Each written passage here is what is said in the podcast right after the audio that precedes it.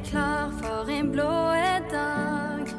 Hordene samler seg i flokk. Hele byen på samme lag, kledd i mørkeblått. I dag har vi med oss mannen som i 2020 oppnådde statusen som Europas yngste klubbdirektør, og som i 2021 løpte 70 km til Haugesund for å samle inn penger til Stine Sofies stiftelse. Og som i 2022 topper det hele med å være med i Vikingpoddens episode 107. Velkommen skal du være, Eirik. Tusen takk for det. Og hvilken av disse milepælene er du mest stolt av? Åh, det er vanskelig å si. Altså, det var en lang tur til Haugesund. Ja. Men uh, siden jeg sitter i dette fora her, så syns jeg det er veldig stas å være med i episode nummer 100 og nummer 7. Ja, Det 100 satt bra nå, tror jeg. Jeg kan jo røpe for de som hører at vi spilte inn denne introen eh, to ganger, og andre gang var kanskje bedre enn den første. Vi kan være enige om det. Og dere som nikker, det er deg, Lars. Du er med. Jeg er med. Og Alex er med som alltid. Jeg er med. Det er kjekt å være med. Og så har vi med oss deg, Torjar, lillebror Stensnes Meling. Ja, for hvis, hvis det lukter litt stramt her nå, så er det fordi jeg har blitt inspirert av Jenny Stensnes til å få meg krøller. Så det lukter litt sånn permanent lukt der. Og de som eh, vil se dette, så er jo episoden òg på YouTube. Riktig. Men eh, nok om oss. Vi har fått litt sånn utfordringer om å få deg til å ikke ha politisk korrekte svar. Um, så vi gleder oss veldig til å snakke med deg nå i fire timer. Ja. Hvis det blir så lenge, så har jeg ikke så mange politiske svar på lager, faktisk. Nei, Vi, fikk, eh, vi ble tipsa om å kanskje lokke deg ut på med fyrstekake. Ja. Vi klarte ikke å levere det, da. så Nei, nei, hadde dere gjort det, så hadde det virkelig ligget til rette. Ja, søren. Vi har fått litt Lærvik Local som vi kan drikke i løpet av kvelden. Men det er alkoholfri, da. Jeg vet ikke om det Men det er godt. Alt funker, så Alt lenge de er samarbeidspartner. Og det er Lærvik. Er det det, ja? Ja da. Det er bra. Du har kontroll på hvem som er samarbeidspartner? Ja, alle 235 har jeg klistra i hjernen. Er det sant? Eh, Nei, ikke alle. Det var du tok litt hardt i. Men Men det er tallet. 235. Ja, cirka. Spør du Børge Moe Nilsen, så det er det gjerne 2,75. Men eh, jeg tror for oss som faktisk, eh, faktisk prøver å telle litt, så er det vel rundt eh, 2,35. Ja. Mm. Er det sånn at du lever livet ditt eh, liksom med utgangspunkt i det? Da? Så alt, alle valg du tar, så er det samarbeidspartnere sine produkter som går foran? Ja, altså, Det verste er at eh, nå har jeg vært eh, i, i denne bransjen her da, på en måte i fem-seks år nå, og det er litt sånn. Det er liksom, Skal jeg ha noen til å, en rørlegger til å fikse på badet, så er det en samarbeidspartner som blir spurt. Og hvis jeg handler på butikken, så går jeg ikke på Kiwi. Sant? Jeg går på Coop eller Rema, for de er sponsor. Og det, det er blitt sånn eh, helt fullstendig miljøskada, det der greiene der. Så Så dere har to sponsorer fra dagligvarebransjen. Ja, minst med Helge Meny, som har vært med oss i en årrekke. Som, eh, så, vi har vel tre, i hvert fall. Så, vi har egentlig innen de fleste bransjer. Så har vi syv-åtte bilforhandlere. Og, så det er ingen eksklusivitet. Så, så det gjelder liksom å balansere det litt, da, så godt du kan. Det er bra. Det var jo eh, Jeg overhørte i går en Lurer på om det var NFF-delegat som snakka med en representant for Ålesund om dette med Vikings sponsornettverk, og hvor mye verdt det liksom, Ja, da- de betaler jo, så blir de assosiert med Viking, og de har jo utrolig bra sponsorinntekt. Så det jo, viser jo at det snakkes om utenfor Viking òg.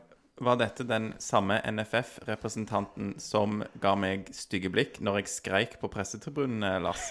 Det stemmer. Han kikka litt om på deg når du ropte på dommeren for tredje, fjerde og femte gang. Ja, det- De mener vel gjerne at òg dere skal være nøytrale, men hvis dere hadde vært det, så hadde det ikke vært kjekt verken å gå på kamp eller høre på podkast, tror jeg. Så det er viktig å kunne se litt mellom fingrene på de tingene. Det setter vi pris på. Men dere kan gjerne ha hørt han der han er Radio Telemark, er det de som kommenterer de Odd-kampene? Ja, ja, ja. Han er jo stein galen. Eh, så, sånn at det er, jo ikke, det er jo ikke bare det der han er helt nedpå eh, som selger i journalistikkens verden. Så jeg tror vi skal klare å tørre å holde på det, altså. Ja, jeg tror, ikke, jeg tror ingen vil kalle oss, oss for helt galne, men vi prøver jo med, å, å si at vi er nøytrale. Det kan ingen, eh, ingen ta oss på, i hvert fall. Vi driver jo en supporterpodkast, så det ligger jo litt i navnet at ikke vi er helt nøytrale. Men eh, jeg tenker å dra det litt inn mot dette det fine dokumentet som vi har lagd før episoden, og der har jeg skrevet litt om din eh, Eller jeg har skrevet inntreden i Viking, og da tenkte jeg å spørre deg hvordan, hvordan havna du inn i Viking? Ja, det, det spørsmålet har jeg ikke fått så ofte, faktisk. De snakker ofte om den der nest, neste steg i Viking alltid. Jeg eh, begynte jo i Viking i 2017. Eh, Tidlig i januar da, så var jeg faktisk på et, eh, på et sponsortreff, og så forsto jeg at det var en som skulle slutte i markedsavdelingen der da. Og så kjente jeg jo Erik Henningsen litt, og så begynte vi å prates litt sammen. Og så eh, førte det ene til det andre, og så spurte han om jeg ville begynne å jobbe i markedsavdelingen, liksom. Um, og det hadde jeg jo veldig, veldig lyst til. Så da eh, ble vi enige vel i februar i 2017. sant? Og for alle som husker 2017, så var gjerne februar den mest positive måneden. Eh, og etterpå, etter jeg signerte der, da, så, mm, så hadde jeg jo en tre-fire måneders oppsigelse fra, fra Telia, som fantastiske samarbeidspartner ennå. Eh, så hadde jeg oppsigelsestider, da. eh, Og etter jeg signerte fram til jeg begynte, så vant vel ikke Viking en kamp. Eh, Så da fikk jeg faktisk spørsmålet rett før jeg begynte av han som da var lederen min i Telia. Eirik, det er lov til å snu.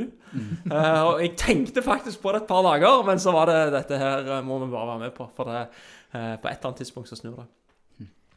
Det har det gjort, og det er vi glad for. Ja, jeg du, også du er et stykke fra en jobb i Telia akkurat nå, er du det? Ja, det vil jeg si. Men det var fantastiske, noen fantastiske år. Utrolig fint miljø og en fantastisk kultur på det kontoret i Stavanger. Så hmm. Og før dette så har du jo studert litt i USA og spilt fotball sjøl på OK nivå. Ja, det er jo mange som spør om denne fotballen i USA og college og sånn, og hvordan er det, hvordan kan du sammenligne det med Norge og sånn. Jeg sier jo selvfølgelig at det er steinbra, og at det, vi kunne kjempe i toppen av Obos-ligaen og sånn, men eh, jeg vet ikke helt om vi kunne det. Men mye bra spillere, litt annerledes type, eh, typer. Men eh, først og fremst en fantastisk opplevelse. Og det å få lov til å møte så mye mennesker er jo fra hele verden og kulturer. Det tror jeg gjerne at man, man, man drar litt veksel på nå i, i den rollen man har i dag òg. Så det var en fantastisk reise, altså. Det var det. Absolutt blitt en eh, klubbviking med, med litt sånn eh, krydder fra rundt omkring i verden. Og ja, Så det er sikkert noe du har erfaring med, som du er inne på. Ja, jeg tror det er at det liksom prøver å se alle på en så åpen måte som mulig. Det tror jeg er litt viktig. da, og Det er gjerne ikke noe du lærer sånn, sånn bare av å sitte på skolen, kanskje. Men det er også tørre å utfordre seg. Jeg reiste jo til USA, vet du, og jeg, da snakket jeg ikke engelsk. Så Foreldrene mine var litt sånn OK, eh, dette blir kult. Heia, heia. Han hadde med meg en kompis, Karsten, verdens beste fyr. Han bare Ja, dette blir bra, Erik. Jeg, jeg kan ta meg av snakkinga. Eh, sant? så det var litt sånn, da. Eh, mens heldigvis så, så var det egentlig bare den utfordringen, så ble det jo gradvis bedre. To feilpasninger, det, så, så begynner det som regel å bare løse seg. Så mm, det er spennende. Det er godt å høre. Det er jo sånn i vår podkast at vi drev av en del eh, lytterspørsmål, og i hvert fall eh, denne her, fordi at det har kommet inn så mye. Det nevnte du vel allerede, kanskje, Torjer? Det har i hvert fall kommet inn ekstremt mye spørsmål, så det vitner om at du er en eh, mann som mange lurer på ting rundt, og gjerne en populær sportsdirektør. Um, og du kan jo starte ballet med Randaberg. Ja, for nå var vi litt i, i USA, så er du jo fra Randaberg og har vært i Randaberg òg etter du kom tilbake fra USA. Ja. Ja. Og Emilio Sanuesa han lurer på det. Eh, angående tiden som trener for Randaberg, skryt gjerne av den feteste treningsøvelsen du har kommet på. Og hvorfor var den så fet? Klarer du det på sparket? Ja, det tror jeg skal klare. Sånn, når, jeg begynte, i- når jeg begynte i Randaberg Dette er et triks, da. Nå snakker jeg meg litt sånn tilbake for å hente fart og faktisk tenke fram til svaret. Ja. Så eh, når jeg begynte i Randaberg, så, så, eh, så, så var jo det som spiller. Eh, og etter hvert så tok jeg over som trener. Det var en fantastisk eh, fin gjeng. sant? Eh, Mange kompiser. En sånn rar rolle, selvfølgelig. Og så hadde vi en god første sesong. sant? Jeg spilte spillende trener. Jeg gikk helt fantastisk bra de første fem kampene. Tok med ett poeng. Så forsto jeg ok, dette her går ikke lenger, faktisk. Jeg er nødt til å legge skoene på hylla, bare være trener, fokusere på det. Og på de siste kampene da i sesongen så tok vi 49 poeng. Eh, Så jeg forsto vel gjerne at eh, her, Bjørnøy, dette makter du ikke. eh, Men vi snudde skuta litt og havna vel på andreplass det året. Men så kommer den påfølgende sesongen, da. Og den, den er jo litt sånn eh, Vi tror vi skal inn eh, i en NM-kvalik mot Riska. Så vi trodde vi skulle spille kamp. Alt var helt klart. Bang, 8. mars eller 12. mars, så smeller koronaen. Eh, og når koronaen smeller, så, så blir det jo helt stopp i all trening og all aktivitet. Men når vi kommer tilbake, da, så skal du begynne å trene. Og da skal du begynne å trene uten kontakt. Og da var det mye kreative øvelser. Og jeg ble jo sykt glad i en sånn, en sånn rebounder. Sant? Eh, Hvis dere vet hva det er. Sant? Du spiller ballen inn i en sånn en firkant, akkurat som en trampoline. Så fyker ballen tilbake til deg, og så gjør du noe, eh, en eller annen øvelse ut av det. Så vi hadde en tre-fire sånne. Så det handla om liksom, hver gang vi kom på trening, så var det skuddøvelser. Eh, og disse skuddøvelsene ble jo mer og mer kreative. Det ble mer og mer reboundere, og det ble brassespark, det ble saksespark. Og jeg bomma egentlig på alle av de øvelsene jeg lagde på sparket der, da. Men så var det ei trening hvor alt klaffa. Altså Han var helt latterlig bra, den øvelsen. Og så etter vi var ferdige, så kommer han som trente damelaget bort. Du, Bjørnar, gidder du å tegne opp den øvelsen? Jeg vil kjøre den på damelaget òg. Så den var jeg egentlig ganske stolt av. Og hvis jeg finner den, så kan jeg gjerne vippe den over til dere. Så kan dere hive den ut på, på sosiale medier til inspirasjon til alle fotballtrenere der ute. Og så kan det være at jeg bygger den litt opp i hodet nå, at den ikke var så jækla bra. Men, eh, men det var i hvert fall eh, det stilte litt krav egentlig til alle som drev med, med aktivitet for barn og unge den der koronaperioden, så det var mye, det var mye kontaktfri trening. Men det er kult å få med den oversendt, og så går vi ut og liksom demonstrerer den og filmer den sjøl. Og så Ja, hvis jeg kan klare det, så blir jeg Ja, enda mer ja, ja. imponert. Har du tipsa Bette Jensen om denne, eller? Nei, altså, det var jo sånn, når jeg spilte i Randaberg tidligere, så var jo Bjarte treneren min. Sant? Før jeg reiste til USA, så var han treneren min. Jeg satt bare på benken. Spilte knapt et minutt. Og den dag i dag så utfordrer jeg han nesten ukentlig på hvorfor jeg ikke gjorde det. Og så får jeg bare det samme svaret. Du var ikke i nærheten av å være god nok. Uh, sånn at Derfor tror jeg egentlig ikke det er på sportslige alibiet, så har jeg ikke så mye å stille opp med for gjengen, altså. Men, ja. men uh, en fin øvelse. Dette er jo nesten blitt en sånn føljetong, som det heter i poden vår. For det, dette spørsmålet har jo da blitt stilt både til Betty og Jensen og til Ole Martin Nesselquist, så det er sikkert en eh, trener eh, En trener i emning for de som hører på, kan plukke opp sånne tips. Absolutt. Men du, mens vi er inne på sosiale medier, så tenker jeg å gi deg et stikkord, og så ser jeg hvor du tar det videre. Ja. Hvis jeg sier Vegard Nesse, hva sier du da? Mannen med kyllingen. Ja, hva er historien her? Ja, altså det er jo helt fantastisk. Vegard Meling Nesse spilte jo i Randaberg. Jeg spilte sammen i Sola først. Andredivisjon der. Han kom der, var kaptein. King Kong. Og så gikk han litt sånn eh, leie i, i Sola. Jeg, jeg tok over Randaberg og, og, og spurte Vegard vil du komme til Randaberg. da. Ja, ja, det, det skulle han være med på. være med og hjelpe da. Så spilte vi treningskamp mot Randaberg 2 eh, på SR Bank Arena. sant? Eh, Thomas Pereira, musikk, ja, det var litt folk, og det var god stemning da. Og så skal jeg da eh, Vegard hadde vært litt småskada, men han var kapteinen vår og, og en veldig bra spiller. da, Så skal jeg snu meg mot benken da for å liksom sende han i oppvarming, for nå skulle han inn. Så snur jeg meg, og så har han vært nede på Meny. Eh, og så har han kjøpt seg en sånn hel grilla kylling, de der varme. Og så sitter han og gafler i seg den der greia. så må jeg liksom snur jeg meg tilbake og så sier jeg til Preben om han spiser kylling.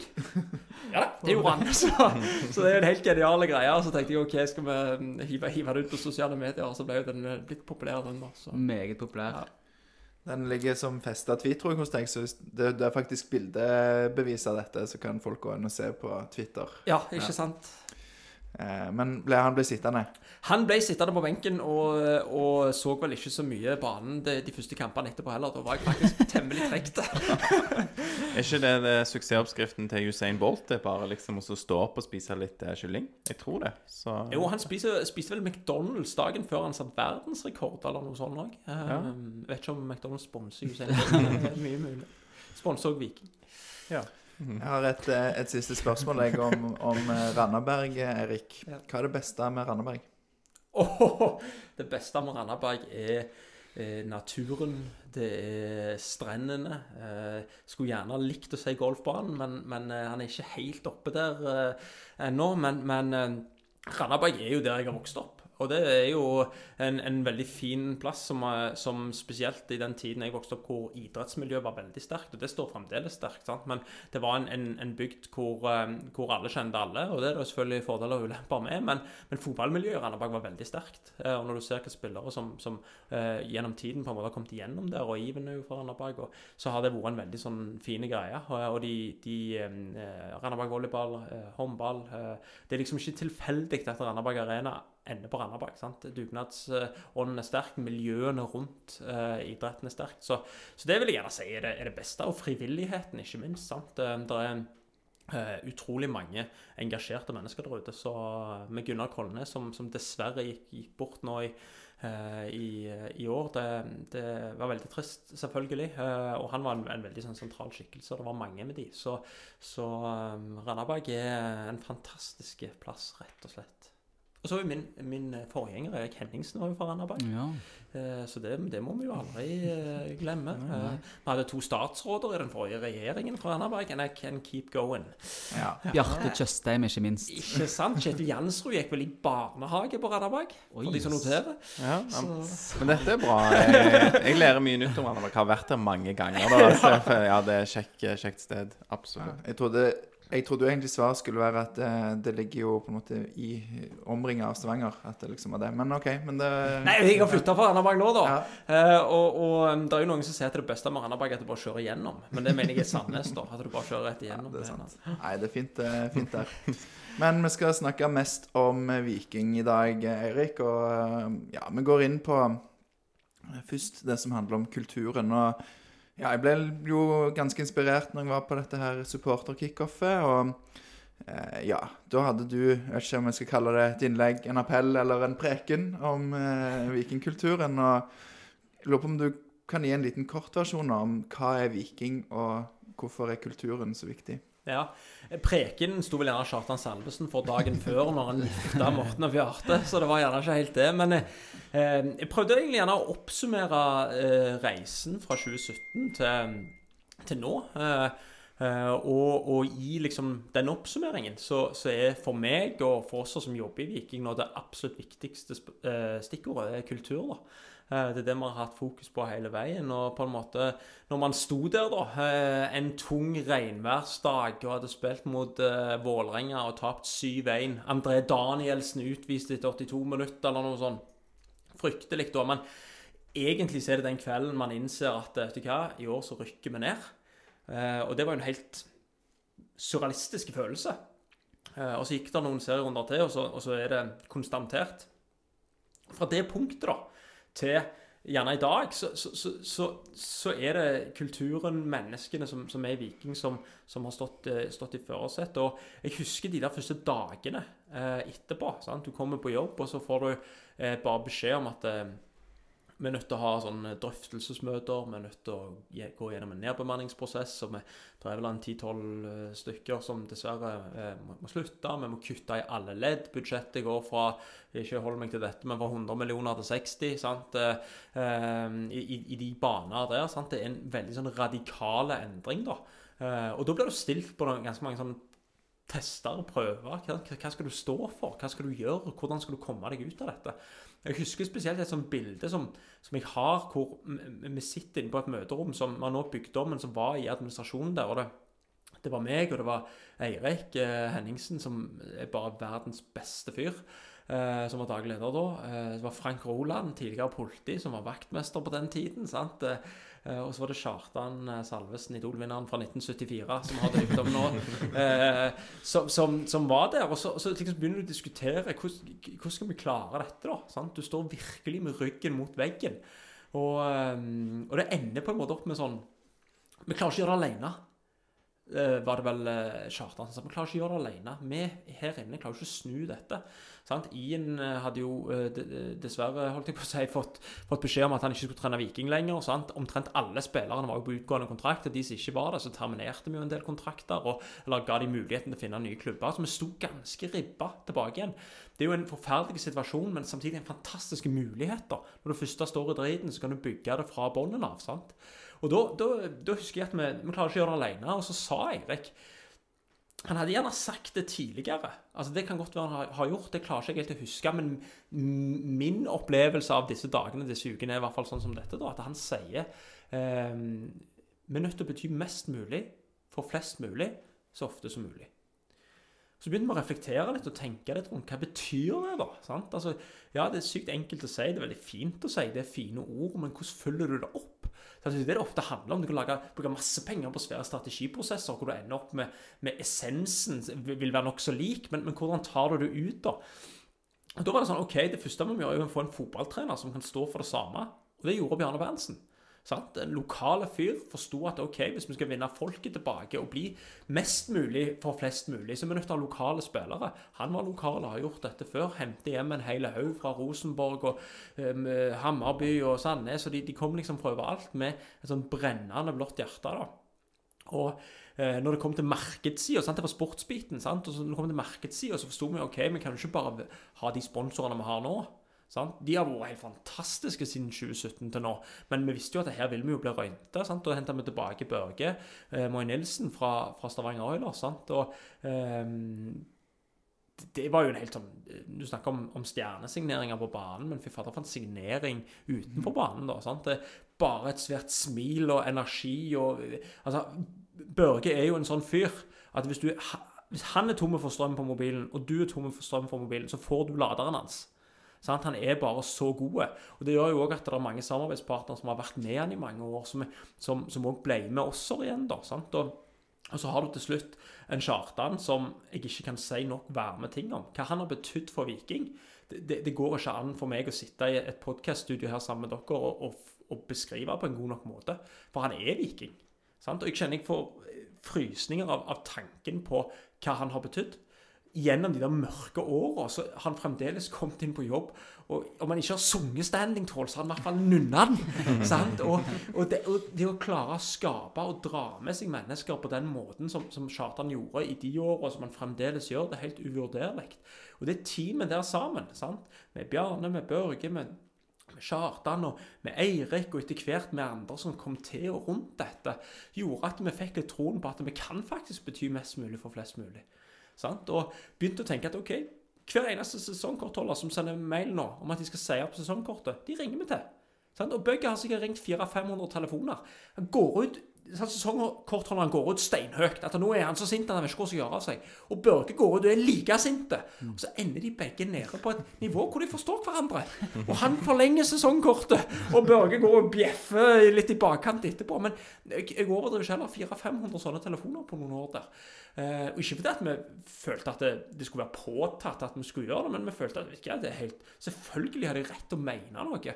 Har de rett og å mene at pølsene pølsen i kiosken er drit. sant? Altså, Det er helt fair, og det kommer jeg helt sikkert tilbake til. kjenner jeg lytterspørsmålene. Så, så, men, men, men, poenget er at uansett at det, at det, det var inngangen, da. Så åpna vi litt opp. sant? Aftenblad fikk lov til å filme fra innsida av garderoben. Vi prøvde å by på oss sjøl. Eh, jeg mener at det var året meg og Kjartan reiste rundt i en sånn julekalender eh, til samarbeidspartnerne.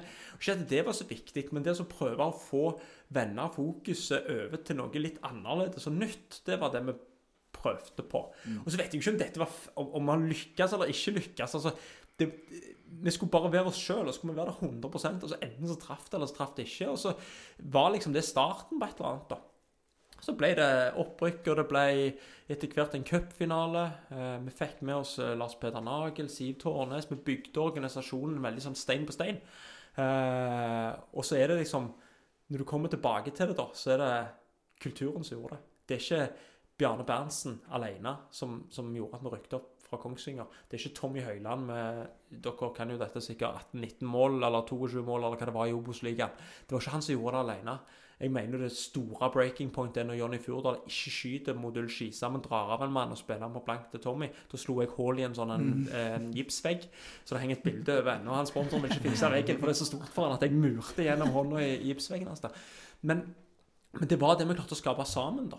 Og det å ha troen på at Viking faktisk er noe mer enn det som er fotball, hvis vi klarer å forstå det, da tror jeg at vi veldig mye har gjort. Og kultur i en bedrift, en strategi i en bedrift, det betyr nada hvis du har feil mennesker om bord. Og ikke at de som var der før oss, var feil i det hele tatt. Mange av de er med som frivillige på stadion allerede. Men, men de som til, til, til, slutt var så heldige og fikk fortsette å være med. For vi kunne ikke beholde alle. De bare bygde på den der. Nå skal jeg i hvert fall dundre til og vise at det ikke var forgjeves at jeg fikk være her. Og eh, jeg tror at, eh, at eh, den der enorme driven, entusiasmen og kjærligheten til Viking i bånn, det gjorde at vi klarte å skape noe på stadion som var litt større enn en søndag klokka tre. da. Ehm, dette ble en veldig lang monolog, men, eh, men, du spilte meg opp på en så fin måte. Du kalte det jo bare jo om en appell, Lars. Den ja, så, ja, jeg syns det var bra. Så er det jo alle disse små tinga som er ganske store, som du um, refererte til i dette supporterkickoffet, bl.a. med Løkberg som gir jakken sin eh, til en supporter. Uh, Philip med kongepokalen. Ja, ja. Og, og da, da, er du inne på det som gjerne jobber med i dag. da, sant? For det, det, var liksom den, Når du sto der det var mørkt og trist Jeg er så lei av å snakke den mørke, triste tida uten uh, lys på stadion. sant? Men når vi nå står her litt sånn ting er på vei oppover. Hvordan tar du det videre? da, sant? Hvordan, Morten Jensen sa det, hvordan skaper vi sult i paradis? Sant? Det er en sånn en enormt bra sånn beskrivende setning. Hvordan skaper vi det? Da er det tre ting som jeg jobber sinnssykt mye med. og Det er for det skal være enorme takhøyde. Det skal være, det skal være lovt at det uh, går ei kule varmt, både i administrasjonen, på banen, på trening, mellom spiller og administrasjon. Det må være takhøyde til at vi skal bli bedre sammen. Og For å klare det, så er du nødt til å ha det veldig godt og trygt hjemme. Så Vi inviterer konene på kamp, vi inviterer til egne samlinger for, for familier. Så vi prøver å legge til rette for det. For Har du godt hjemme, så tror vi at du klarer å akseptere litt den der høye takhøyden som skal være på jobb. da. Og Så er det den siste tingen som du er litt inne på. Vi må ha noe som samler oss. Noe som er mer enn Viking. Noe som skal være identiteten vår, noe som skal være kulturen vår. Jeg syns jo situasjonen med kongepokalen er et godt eksempel da, på, på hvordan vi som er der, eh, prøver å tenke. Eh, og, og da var det jo egentlig bare Kjartan som kom inn på kontoret mitt og så sier han, kan jeg låne kongepokalen. Eh, Så tenkte ikke jeg noe mer over det, for den har jo stått der et par år. Eh, Så sier jeg ja, hva skal du med? Nei, bare stol på meg. Og så går det liksom et par timer, så er det jo plastra i, i media at han har gitt den til Philip.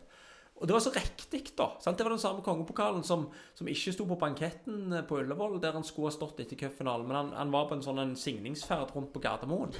eh, og det er det Viking vi vil det skal være, da. Og så må vi passe på at det ikke blir påtatt. At vi ikke gjør det eh, fordi vi føler vi må med, for det er genuint. Og der er jo eh, Jens skal ikke bli for mye skryt av han, han eh, tidligere eh, tidligere rockestjerner, men, men han Kjartan er veldig viktig i det arbeidet. eh, og eh, kraft og kjærlighet det er det Spring ut fra, fra den gjengen som er der nå, og, og fra mest mulig til, til, for, for, for flest mulig. Så er vi nå i alt vi gjør, skal vi gjøre med kraft og kjærlighet. og det skal gjenspeile når dere kommer på besøk på, på SR Bank Arena. Så skal det være kraft til å si at hei, eh, det er ikke helt sånn vi vil ha det, men skal det være kjærlighet nok til å gi dere ei bolle etterpå. Sant? Det, det er litt den tilnærmingen vi ønsker å, å ha, da, for da tror jeg at vi sammen kan, eh, kan ta det videre. Så det var vel gjerne litt essensen av, av eh, det jeg prøvde å, å nå fram med, med da. Så.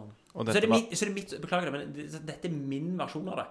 Det er helt sikkert 100 forskjellige versjoner. Sant? Og dere har sikkert deres take på hvordan dette så ut fra, fra utsiden. Sant? Og jeg er sikker på folk som jobbet med meg, ikke helt kjenner seg igjen i alt dette. Men det er 100% min opplevelse av de årene. Mm. Og, og hva som har vært viktig på veien. Og Eirik Henningsen er en nøkkelfigur i det der. Og eh, vi kan aldri skryte nok av det arbeidet han eh, bana vei for oss andre. Og bare også for å, å gjøre det klart for lytterne, og det kan jo være alle henger helt med på når denne appellen ble gitt. Du nevnte supporter kickoff, eh, Lars, men det var altså supporter kickoff eh, som var før årets sesong, da. Så det er vel en, er det en måneds tid siden eller tre, tre uker, eller noe. 26. mars eller noe sånt. 26. 7. mars, mars 2022, i hvert Ja. Jeg eh, og prøver å være grei med de lytterne som skal høre på denne episoden om ett år. Ikke sant? Ikke sant? Nå mangler de. Eh, Jeg kan òg bare nevne en, en liten anekdote. At jeg har fått eh, nå en melding av eh, naboen min, Pål. Vi pleier å eh, flagge eh, når vi har spilt inn podkast. Så han lurte på om jeg lurer ungene i nabolaget til å tro at det er vikingkamp i dag. Men, men eh, vi spiller inn pod i, i kjelleren, så ja, må kanskje retenke flaggstrategien min når vikingflagget skal opp, da. Men eh, ja. Ja. Men, men eh, dette med kultur er jo sånn som du sier, som tar lang tid å bygge. Dere har gjort det stein på stein. Og så eh, kan det ta veldig kort tid å rive det ned. Eh, og da er det et lytterspørsmål fra en som heter Bjørn Ravnås, som lurer på hva blir gjort i Viking for å sikre at den kulturen som er nå, fortsetter der, etter f.eks. Slatko, Veton, Brekalo og alle som er her nå, da, er ute av klubben. Og, og nå tar de opp noe som er veldig spesielt. Sant? For nå har vi snakket om eh, hvordan vi som, som har jobbet med klubbdriften i seg sjøl, på en måte har tatt grep. De grepene som har gjort, blitt gjort rundt sport, er jo fenomenale. Sant? Det at ingen er større enn laget, ingen er større enn Viking, ingen er større enn det emblemet de, de, de har på venstre side av drakten. Eh, og Det var et arbeid Bjar- eh, Bjarne begynte med, eh, og som Morten og Bjarte har forvalta på en veldig veldig fin måte og utvikla videre. Sant? Fra å ta det til, fra den der virkelig gode, gamle stein på stein og gode verdiene til Bjarne, til, til den litt mer moderne lederstilen i, i, i Morten og Bjarte, hvor det er ikke noe fasit på hva som er rett og, og galt. Men jeg tror de spillerne som har vært med på hele den reisen, har, har fått et ganske godt sånn bilde av hva vi mener Viking skal være, og hvordan det skal smitte inn i en spillergruppe. For dette er jo det som gjerne er vanskeligst for alle fotballklubber. Hvordan skal du klare å skape en prestasjonsgruppe over tid? Sånn, Hvordan skal den kulturen leve videre? Hvordan skal vi ha vi foran jeg i ti år til, og ikke bare nå fram til sommeren? Og Slatko, Veton, Løkberg, Janni jeg kunne ramse, Viljar Vevatnet kunne ramse opp egentlig hele gjengen. Men det er noen vanvittige kulturbærere der nede som er helt avgjørende for at vi har fått fått det vi har. Og du toucher litt på det neste lytterspørsmålet som kommer fra Kim Erlend. Han lurer på hva er det som definerer langsiktig suksess for klubben? Du var litt inne på dette med de neste ti årene. Ja, ja. ja. ja de neste ti årene. Det er langt å tenke, altså. Eh, men, men, men ja, du, du, du, bridger litt, eh, litt begge deler. sant? Eh, Jeg tror i spillergrupper, hvis vi tar det først, så, så tror jeg at det, Man er avhengig av å, av å eh, videreføre sulten. Videreføre det der som går utfor banen, utfor garderoben, det samholdet. For klarer du å skape det sammen, den desperasjonen etter å prestere sammen Hvis det ligger i veggene, sant? at det ikke bare er noe som Vetan Berisha står for, eller Slatko Tripic står for, eller Kristoffer Løkberg står for, men at det er hver gang det kommer opp en junior, kommer inn en ny spiller, så er det bang, dette er klubben vår. Fra klubbperspektiv, bang, dette er garderoben vår. Dette er spillestilen vår. Sånn gjør vi det. Klarer vi det? Det er sykt enkelt å sitte her på Våland og snakke om disse tingene, og så er det veldig vanskelig å gjøre i praksis. Men jeg tror du må skape det der at når du kommer inn i den garderoben, så er det dette som gjelder. Når du tar på deg den drakten, så er det det det, det, det, det gjelder. For det er det supporterne forventer, det er det klubben forventer, det er samarbeidspartnerne forventer, og at det har vi gjort tidligere. Eh, sånn at du på en måte klarer å overføre det der videre. For en kultur er ikke sterkere enn de menneskene som forvalter den. Sant? Med en gang menneskene er ute av en kultur, så er det ikke noen kultur igjen. Sant? Er også sikkert Dagsland sa hva er kultur? Nå, kultur er noe som er større enn deg sjøl. Så sitter du og tenker hva mente du nå? Sant? Det var en absurd opplevelse da han sa det. Men, men Hvor var det han sa dette? Nei, det var faktisk på meg og, ja, meg og Kjartan og Børge traff ham på en flyplass en gang. Okay. Og så, og så gikk, inn på, gikk vi inn på flyet etterpå. Etter han hadde sagt det. Så var det helt topp det. Sigvart er jo en fantastisk vikingmann, først og fremst. Er jo, spør alltid og graver. Så tenkte jeg etterpå Hva mente han? Han har reflektert mye over det, og, og det er jo noe som er udefinerbart. Men når du skal bryte det ned, så er det for meg mennesker. Og det er spillere, og det er trenere. Eh, og så må det være noe som, som lever videre, selv om spillerne byttes ut, trenerne byttes ut, eller vi som jobber i den øvrige administrasjonen byttes ut. Det er sykt vanskelig. Men det er absolutt nøkkel, nøkkelbegrepet, tror jeg, er eh, kompetanseoverføring eller holdningsskapende arbeid over tid eh, i den garderoben. For det tror jeg det. Noe som vi har snakket en del om eh, før med dette eh, Da knytta til spillere, men det er jo vel så viktig når det gjelder administrasjon og ansatte, at eh, en eh, gjør en, en grundig prosess der en på en måte får rett person på rett plass. At eh, de skal ønske å være med på dette. De skal, det skal ikke bare være for det en er tilgjengelig, eller det ligger noe mer bak der. da. Ja, og jeg tror jo det at eh, de, de med de, eh, først, først og fremst de lokale rekrutteringene vi har gjort, har jo et vanvittig passion for Viking. Og når det ligger i bånn, spesielt eh, på, på, på, på spillersiden, så det er enklere å få inn de nye spillerne òg. Men når vi da har rekruttert fra sånn, eh, Joe og, og Janny, sånn, som kommer fra New Zealand og sånn, og de kommer inn eh, fra litt samme kanskje det er ikke så kulturmessig store forskjeller på en måte på landene. Sant? Du går an å relatere litt til de kontra gjerne andre land. Eh, så er det enklere for de òg å kjøpe det. Sant? Så det er vesentlig verre hvis noen kommer fra mindre siviliserte eh, eh, områder av verden hvor, hvor gjerne kultur og, og, eh, er helt annerledes. Og råskapen er gjerne litt tøffere, og da blir det også vanskelig å, å, å, å få det til, til å sitte med en gang. Så, men det er jo sykt fokus på i spillerrekrutteringen at det skal være gode mennesker. At det skal være gode folk. At de skal ha de rette verdiene. Det er liksom det viktigste. Hvis de ikke er trenbare, så kan du være så god du vil. Hvis de ikke passer inn i et kollektiv, så kan du bare være så god du vil. Jeg husker Jeg tror ikke jeg har fortalt dette. Gjerne jeg har fortalt det på en eller annen sånn setting hvor jeg ikke hvor jeg bare mista hodet og dratt av gårde. Men, men eh, vi, holdt på å signere nederlandske venstreback. Det husker jeg jeg var i podkaststudio med Felt O-podden.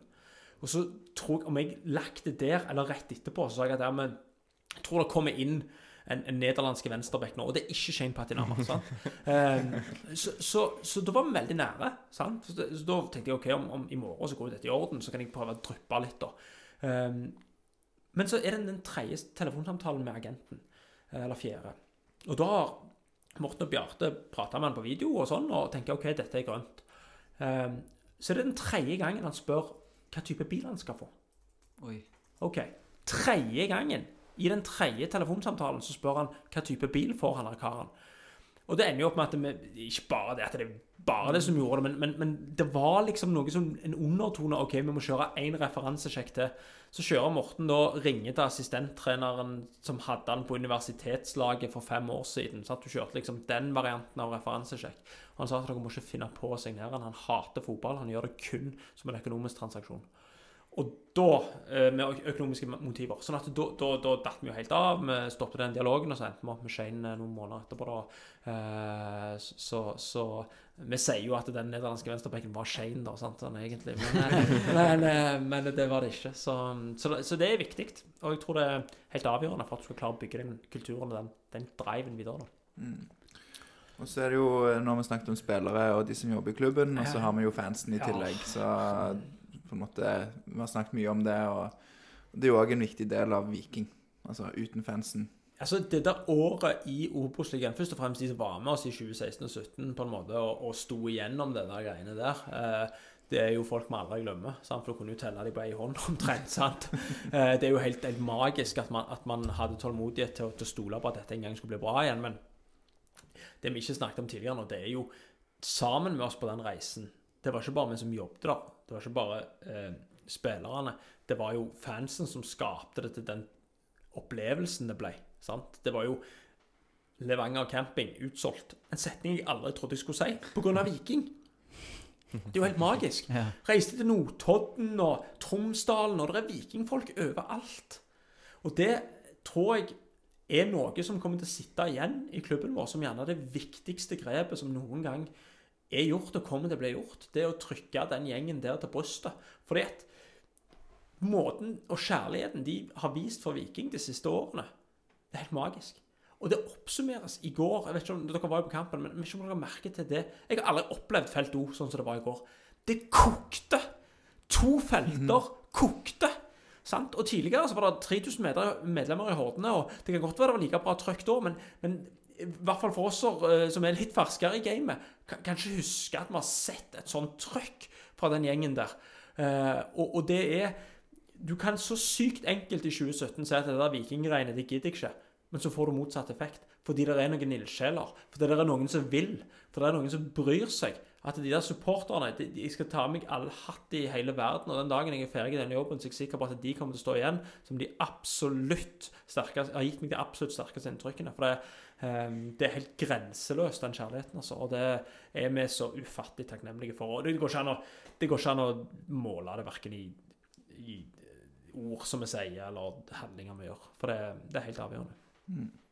Så er det kjekt å se um, for jeg, Mitt inntrykk er i hvert fall at det er mye mer sånn stolthet i det å gå med logoen. Altså, Jeg ser folk med vikingluer, og, og det er litt sånn Jeg er lærer på en skole, og det ser jeg stadig flere unger med den vikinglua, og det syns jeg er veldig kjekt. da.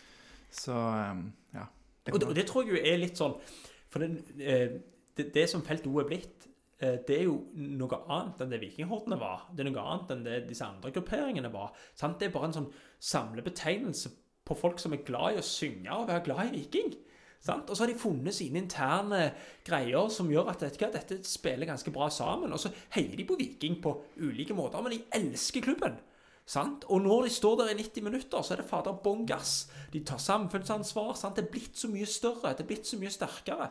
Og det tror jeg òg gjør at ungene, eh, gjerne om, om, om noen år Jeg vet ikke hvor gamle de du er lærer for er, men, men om noen år så vil gjerne de òg stå og synge på, på, på stadion. Og det gir spillerne energi, og det styrker Viking på en helt unik måte. Og jeg elsker jo, for jeg har en fotballbane rett der jeg bor, jeg elsker jo å se liksom eh, eh, at de spiller i hvit vikingdrakt mot blå vikingdrakt der nede i bingen. sant? Det er jo helt magisk å se.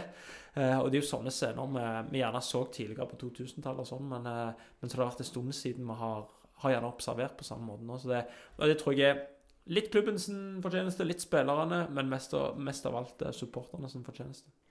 Det er kult at reisen har tatt oss dit, og at, som du er inne på, det er et samspill, da. Det er det. Eh, jeg tror vi skal utfordre deg på å svare kort på et lytterspørsmål. eh, Eh, for Knut Husdal lurer på om du har eksempler på veldig bra klubbledelse eller klubbledere som du har som forbilder. Ja. Eh, jeg, jeg tror for å lykkes med en fotballklubb, så må du ikke prøve å herme etter noen andre. Du må finne ut hva er det som være hva er det som er særegent for, i mitt tilfelle, Viking. Hvordan kan vi spille på de styrkene? Hva inspirasjon kan vi hente i den delen av klubbdriften fra de? Hva kan vi hente fra de? Vi kan liksom ikke bare se, alle, alle i Norge kan ikke bare si vi må gjøre det sånn som Bodø-Glimt. For I de store byene så ville man gjerne ikke fått den samme tiden som Bodø-Glimt fikk. Men vi kan, med, uten tvil rundt sport så er det ting vi både kan og bør og se til Bodø-Glimt for. Sant? Men så er det gjerne andre ting hvor vi gjerne bør se mot Vålerenga eller Brann eller eh, andre klubber. Så jeg tror at For å lykkes med klubbdrift så handler det ikke om å finne det der ene forbildet eller den ene klubben som er ekstraordinær. Jeg tror det er å bare innse at du har en, en særegenhet med det du gjør sjøl. Finne dine styrker. Det er sånn Eggen sin godfotteori. Hva er Vikings styrke? Sant? Nå mener jeg akkurat nå at det er eh, samspillet mellom supportere, klubb, spillere, samarbeidspartnere, at vi sammen drar i én retning. Akkurat nå så er det det som er det absolutt sterkeste i og rundt Viking. Og hvis vi klarer å dyrke det videre i noen år nå, så gjør det at vi kan fylle på litt ekstra rundt sport, litt ekstra her, sant, for å bygge en mer bærekraftig og langsiktig satsing. Da. Men, eh, så, så derfor er det vanskelig å si at det, ja, det er eh, St. Pauli som er det store forbildet, eller det er Liverpool, eller det er Klopp, eller det er på en måte eh, noen av de. Jeg tror, eh, jeg tror uten tvil at vi må bare finne ut hva det, vi, hva det vi skal være, og så finne noen som er, er god på det, både på det, men òg på de andre tingene som gjerne har et stykke, stykke å gå på. For det er det uten tvil mye langt ifra fra ferien. Hva det er, er kort. Hva er det viktige? Det var Ja, det var kortere enn det forrige. ja, men det, var, det er interessant, så det, var- ja, det er ikke derfor vi Vi har, jo, vi har jo fått lov til å ha deg her i fire timer, så vi har tid, vet du. Men hva er, det, hva er det viktigste, og hva er det vanskeligste i jobben som leder, Eirik? Oi. Ja. Viktigst og vanskeligst. To, to, forskjellige to forskjellige ting. Ja, ja. det, tror. Ja. ja, det, det viktigste er å alltid sette Viking først. Uh, alltid tenke at eh, det er Viking, klubben, historien, menneskene rundt som er det viktigste. Eh, og det er vanskelig. Eh, vi er blitt en stor organisasjon. Vi er blitt mange som er fantastisk dyktige på sine fagfelt. Det er mange behov. Det er mange som ønsker vi skal den veien, det er mange som ønsker vi skal den veien. Sant? Vi får innspill hver eneste dag på hvor vi skal gå hen. Så da er det absolutt viktigste å hver gang stoppe opp hva er det beste for Viking. Sant? meg og Erik eh, Nevland eh, har en kopp kaffe hver eneste morgen og eh, diskuterer ulike problemstillinger, være seg klubbdrift eller spillerlogistikk eller andre ting rundt klubben vår. Og alltid så er det når vi er litt usikre på beslutning på det ene eller det andre, hva er det viktigste for Viking? Hva er det beste for Viking? Og det er det uten tvil det er alt min jobb handler om. Det er å gjøre de best mulige beslutninger for, for Viking. Og nå har jeg snakket om dette så lenge at jeg husker ikke det. Men hva var det vanskeligste? Vanskeligste, ja. Det er å sette Viking først. Så at du kommer litt tilbake til det samme. Svaret på spørsmålet er akkurat det samme. For at det, det i en situasjon som er Så du ser OK, her er outen sykt enkel. Sant? Her er det bare OK, jeg bare sier ja til det nå. Så er den situasjonen ferdig. Men om tre år er det den rette beslutningen. Er det sånn ja til Telia-type? Ja, sånn- skal vi velge Ja. Altså, skal vi velge uh, Telia bedrift, eller skal vi velge uh, Fonero? Nei, men, men det handler om OK, skal vi resignere den spilleren? Sant? Um, det er sykt vanskelig å gjøre de vurderingene. For dette i, i seg sjøl kan du tenke OK, de neste seks månedene så vil gjerne spiller X gi oss så mye. Men han vil gjerne spise så mye av budsjettet. Og han vil eh, kun binde seg, signere hvis han binder seg opp i fire år. Og da begynner du å tenke OK, hvor skal vi være om fire år? Hvor gammel er spilleren da? Hvor, eh, hva ambisjoner har han på veien? Det er så sykt mange faktorer som spiller inn i hver eneste beslutning. Det var bare en enkelt sånn spillerlogistikkutfordring. Men det vanskeligste er å se hvordan spiller dette seg ut om fem år? Om tre år? Om ti år? Sant? For tilbake er denne beslutningen det beste for Viking. Og midt oppi det òg, så vil du jo det beste for spilleren òg, men det er ikke alltid at det harmoniserer med hva som er best for klubben. Nei, og spesielt nå, hvor vi har en gjeng med så fantastisk gode spillere, og gode gutter, og en gjeng som vil det samme, så er det sykt vanskelig å si nei. Så gjerne det som svarer på spørsmålet. Sykt vanskelig å si nei. Uh, men, men, men det er sånn uh, Svaret på begge spørsmålene er at eh, hva er det beste for Viking? Så er det jo en Ja, det har jo vært mye bra som har skjedd etter 2017, men det var jo Du fikk jo en litt tøff eh, start. Eh, det er en, altså, for Viking er jo en klubb som mange er glad i, og mange har meninger rundt. Og så skjedde det en litt sånn storm med Bjarne Berntsen-saken, som vel krasja ganske greit med din første eh, oppstart der, som tok over for Erik Henningsen. Hvordan, kan du bare si litt om hvordan det var for deg? Ja, hvis, du hvis du, på en måte ser vekk fra sak, da, og så, og så tenker liksom litt på opplevelsen rundt det, da, så, så blåste det godt uh, for alle som var glad i Viking. Uh, både for supportere, for spillere, for folk som jobbet i Viking. Uh, jeg er sikker på for med, media så var det hektisk. Og så tror jeg faktisk at noen bikker over. Noen supportere bikker over. Noen bikker gjerne over uttalelser. Det, det er mye følelser, dette her. Og uten de følelsene, uten det engasjementet, så hadde vi ikke vunnet cupgull. Vi hadde ikke rykket opp fra Obos-ligaen.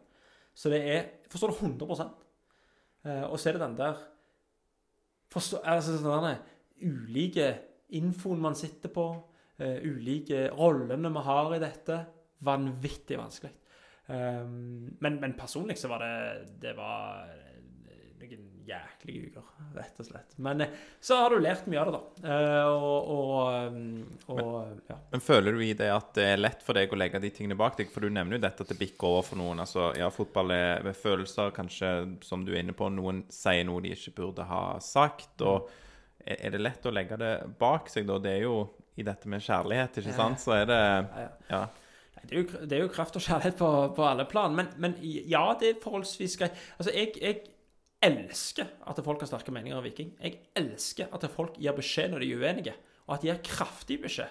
For hvis de ikke gjør det, så blir det likegyldighet. Og med likegyldighet så kan vi bare legge ned. Altså, Da er det ikke vits å drive fotballklubb på noe nivå i Norge hvis folk blir likegyldige til deg. Så jeg bare elsker det engasjementet. Og jeg håper at neste gang vi på en måte bommer og driter oss ut, at det engasjementet er like sterkt, og at det eh, virkelig er der. For det betyr at vi har en hel haug som er glad i Viking. Men så er det de der, de der få eksemplene hvor det blir personlig.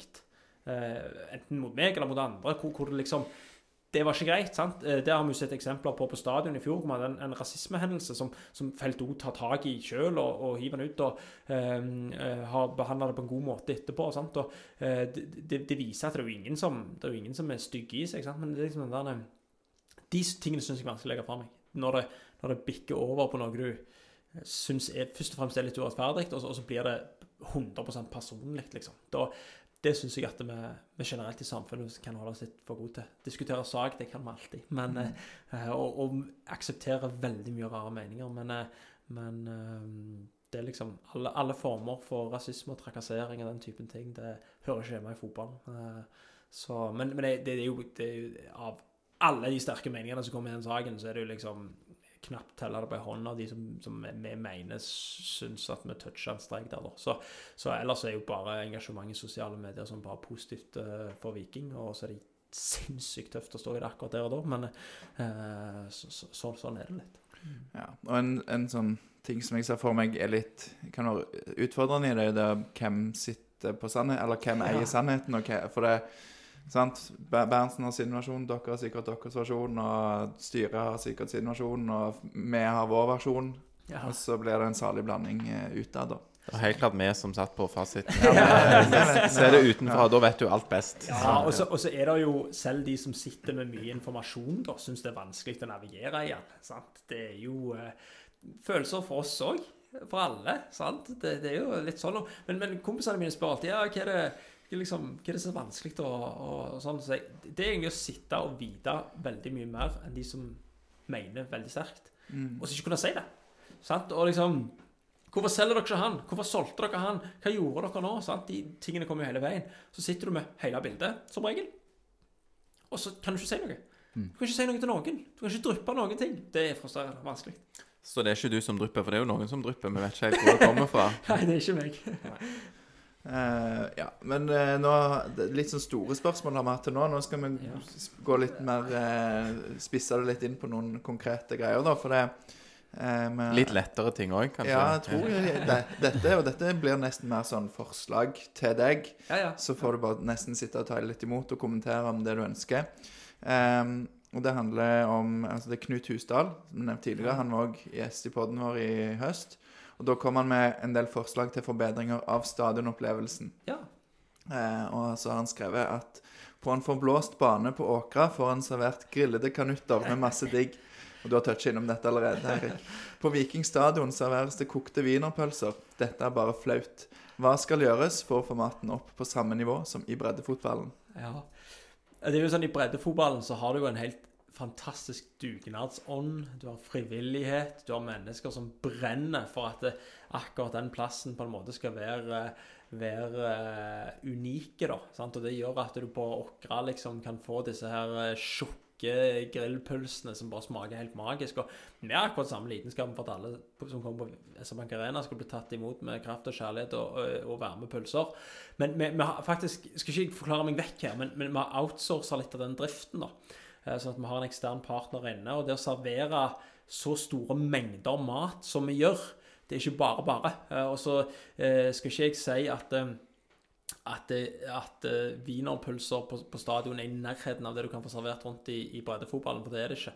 Eh, Men så er det litt, litt sånne forhold i liksom hvor mange serverer vi, og hvor mange grillpølser serveres på disse lokalfotballbanene. Men det er ingen unnskyldning. og eh, Hvis, hvis den gjengse oppfatningen er at maten på SR-Bank Arena må bli, må bli bedre, eh, for det kan dra mer publikum, så skal vi gjøre alt i vår makt for at det skal bli bedre. Skal vi bare be folk sende mail, da? Eller hvordan vil du ha Nei, ja, eh, Direktemelding på Ja, Twitter. da kjørte jeg at jeg gikk meg inn i trøbbel, men Men, Men eh, ja. har dere, for å prøve å spille det god her, da, har dere noe sånn eh, tilbakemeldingsverktøy på dette? Noen surveys, eller noe som blir sendt ut eh, Ja, vi, vi, vi har jo normalt sett en sånn publikumsundersøkelse. Den, den har alltid vært på slutten av året eh, for å prøve å forbedre produktet inn mot neste år. Men eh, vi er veldig åpne på, på forslag, sånn at eh, uten at jeg skal forlove meg her, men, men kanskje vi, vi, inn mot halve sesongen her kunne kjørt ut en publikumsundersøkelse og gjort eh, de tingene. Men, men, og det mener jeg òg, hvis det er noen som har forslag til oss. altså vi, vi, Det renner inn i mailboksen vår hele veien eh, med, med ting som, som vi ikke tenker helt på, eh, som, som kan bidra til at folk vil komme av SR-Bank Arena. Så send det inn. Eh, og send det gjerne til viking1vikingfotball.no, så, så er det noen som leser det og tar det på alvor. Og alle tilbakemeldingene vi får, eh, blir, eh, blir tatt opp, altså. Eh, så, så gjør gjerne det. Så. Vi har faktisk fått eh, noen forslag da fra Ja. altså, han Knut Husdalen når han var her, nevnte jo Idsø annet og sånn. Men Andreas eh, Sjøen han eh, sier at han tipper at Snørteland leverer pølser hvis de ringer til de og spør. Så der har du et tips. Ja. Øystein Wihovde ønsker seg eh, Hekan Burger på stadion, så Ja, Da har vi en fantastisk samarbeidspartner i The Shack. Eh, og The Shack har jo en egen losje som eh, man kan kjøpe. The, Shack Skybox. Der, den er åpen bare for vanlige folk. Sponsorer får ikke lov til å kjøpe der. Eh, der koster det 5,49 for en campbillett og en burger. Eh, og den skal jeg love deg er er gjerne hakket hvassere enn wienerpølsene. Så, så kjøp gjerne billett eh, der oppe.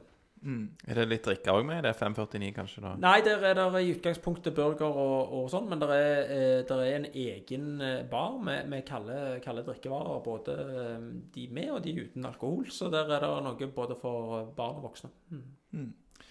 Det må jeg teste en gang. Det, Det ble, jeg, ja, jeg ble litt Det er faktisk ganske bra. ja. Og den desjekk der, den er utsolgt nesten hver gang. Og så har Lærvik har Lærvik Sky Lounge på andre siden. Eh, og er, den er nyoppussa. Fantastisk kult. Bygd en, en, igjen en egen en liten sånn avdeling der. Og eh, de serverer, de serverer øh, Jeg er ganske sikker på at det er spareribs fra The Shack. Eh, og hvis det ikke er det, så er det burger der òg. Men, men eh, det er i hvert fall mat å få til 5,49 der òg. Kan jeg bare si et par ting til mine podkastkompiser her? Nå kommer vi til å få tyn, for at her vi egentlig skal sette presset på deg, Erik, så bare kommer det sånn der reklame for andre produkter som folk kan kjøpe istedenfor wienerpølser.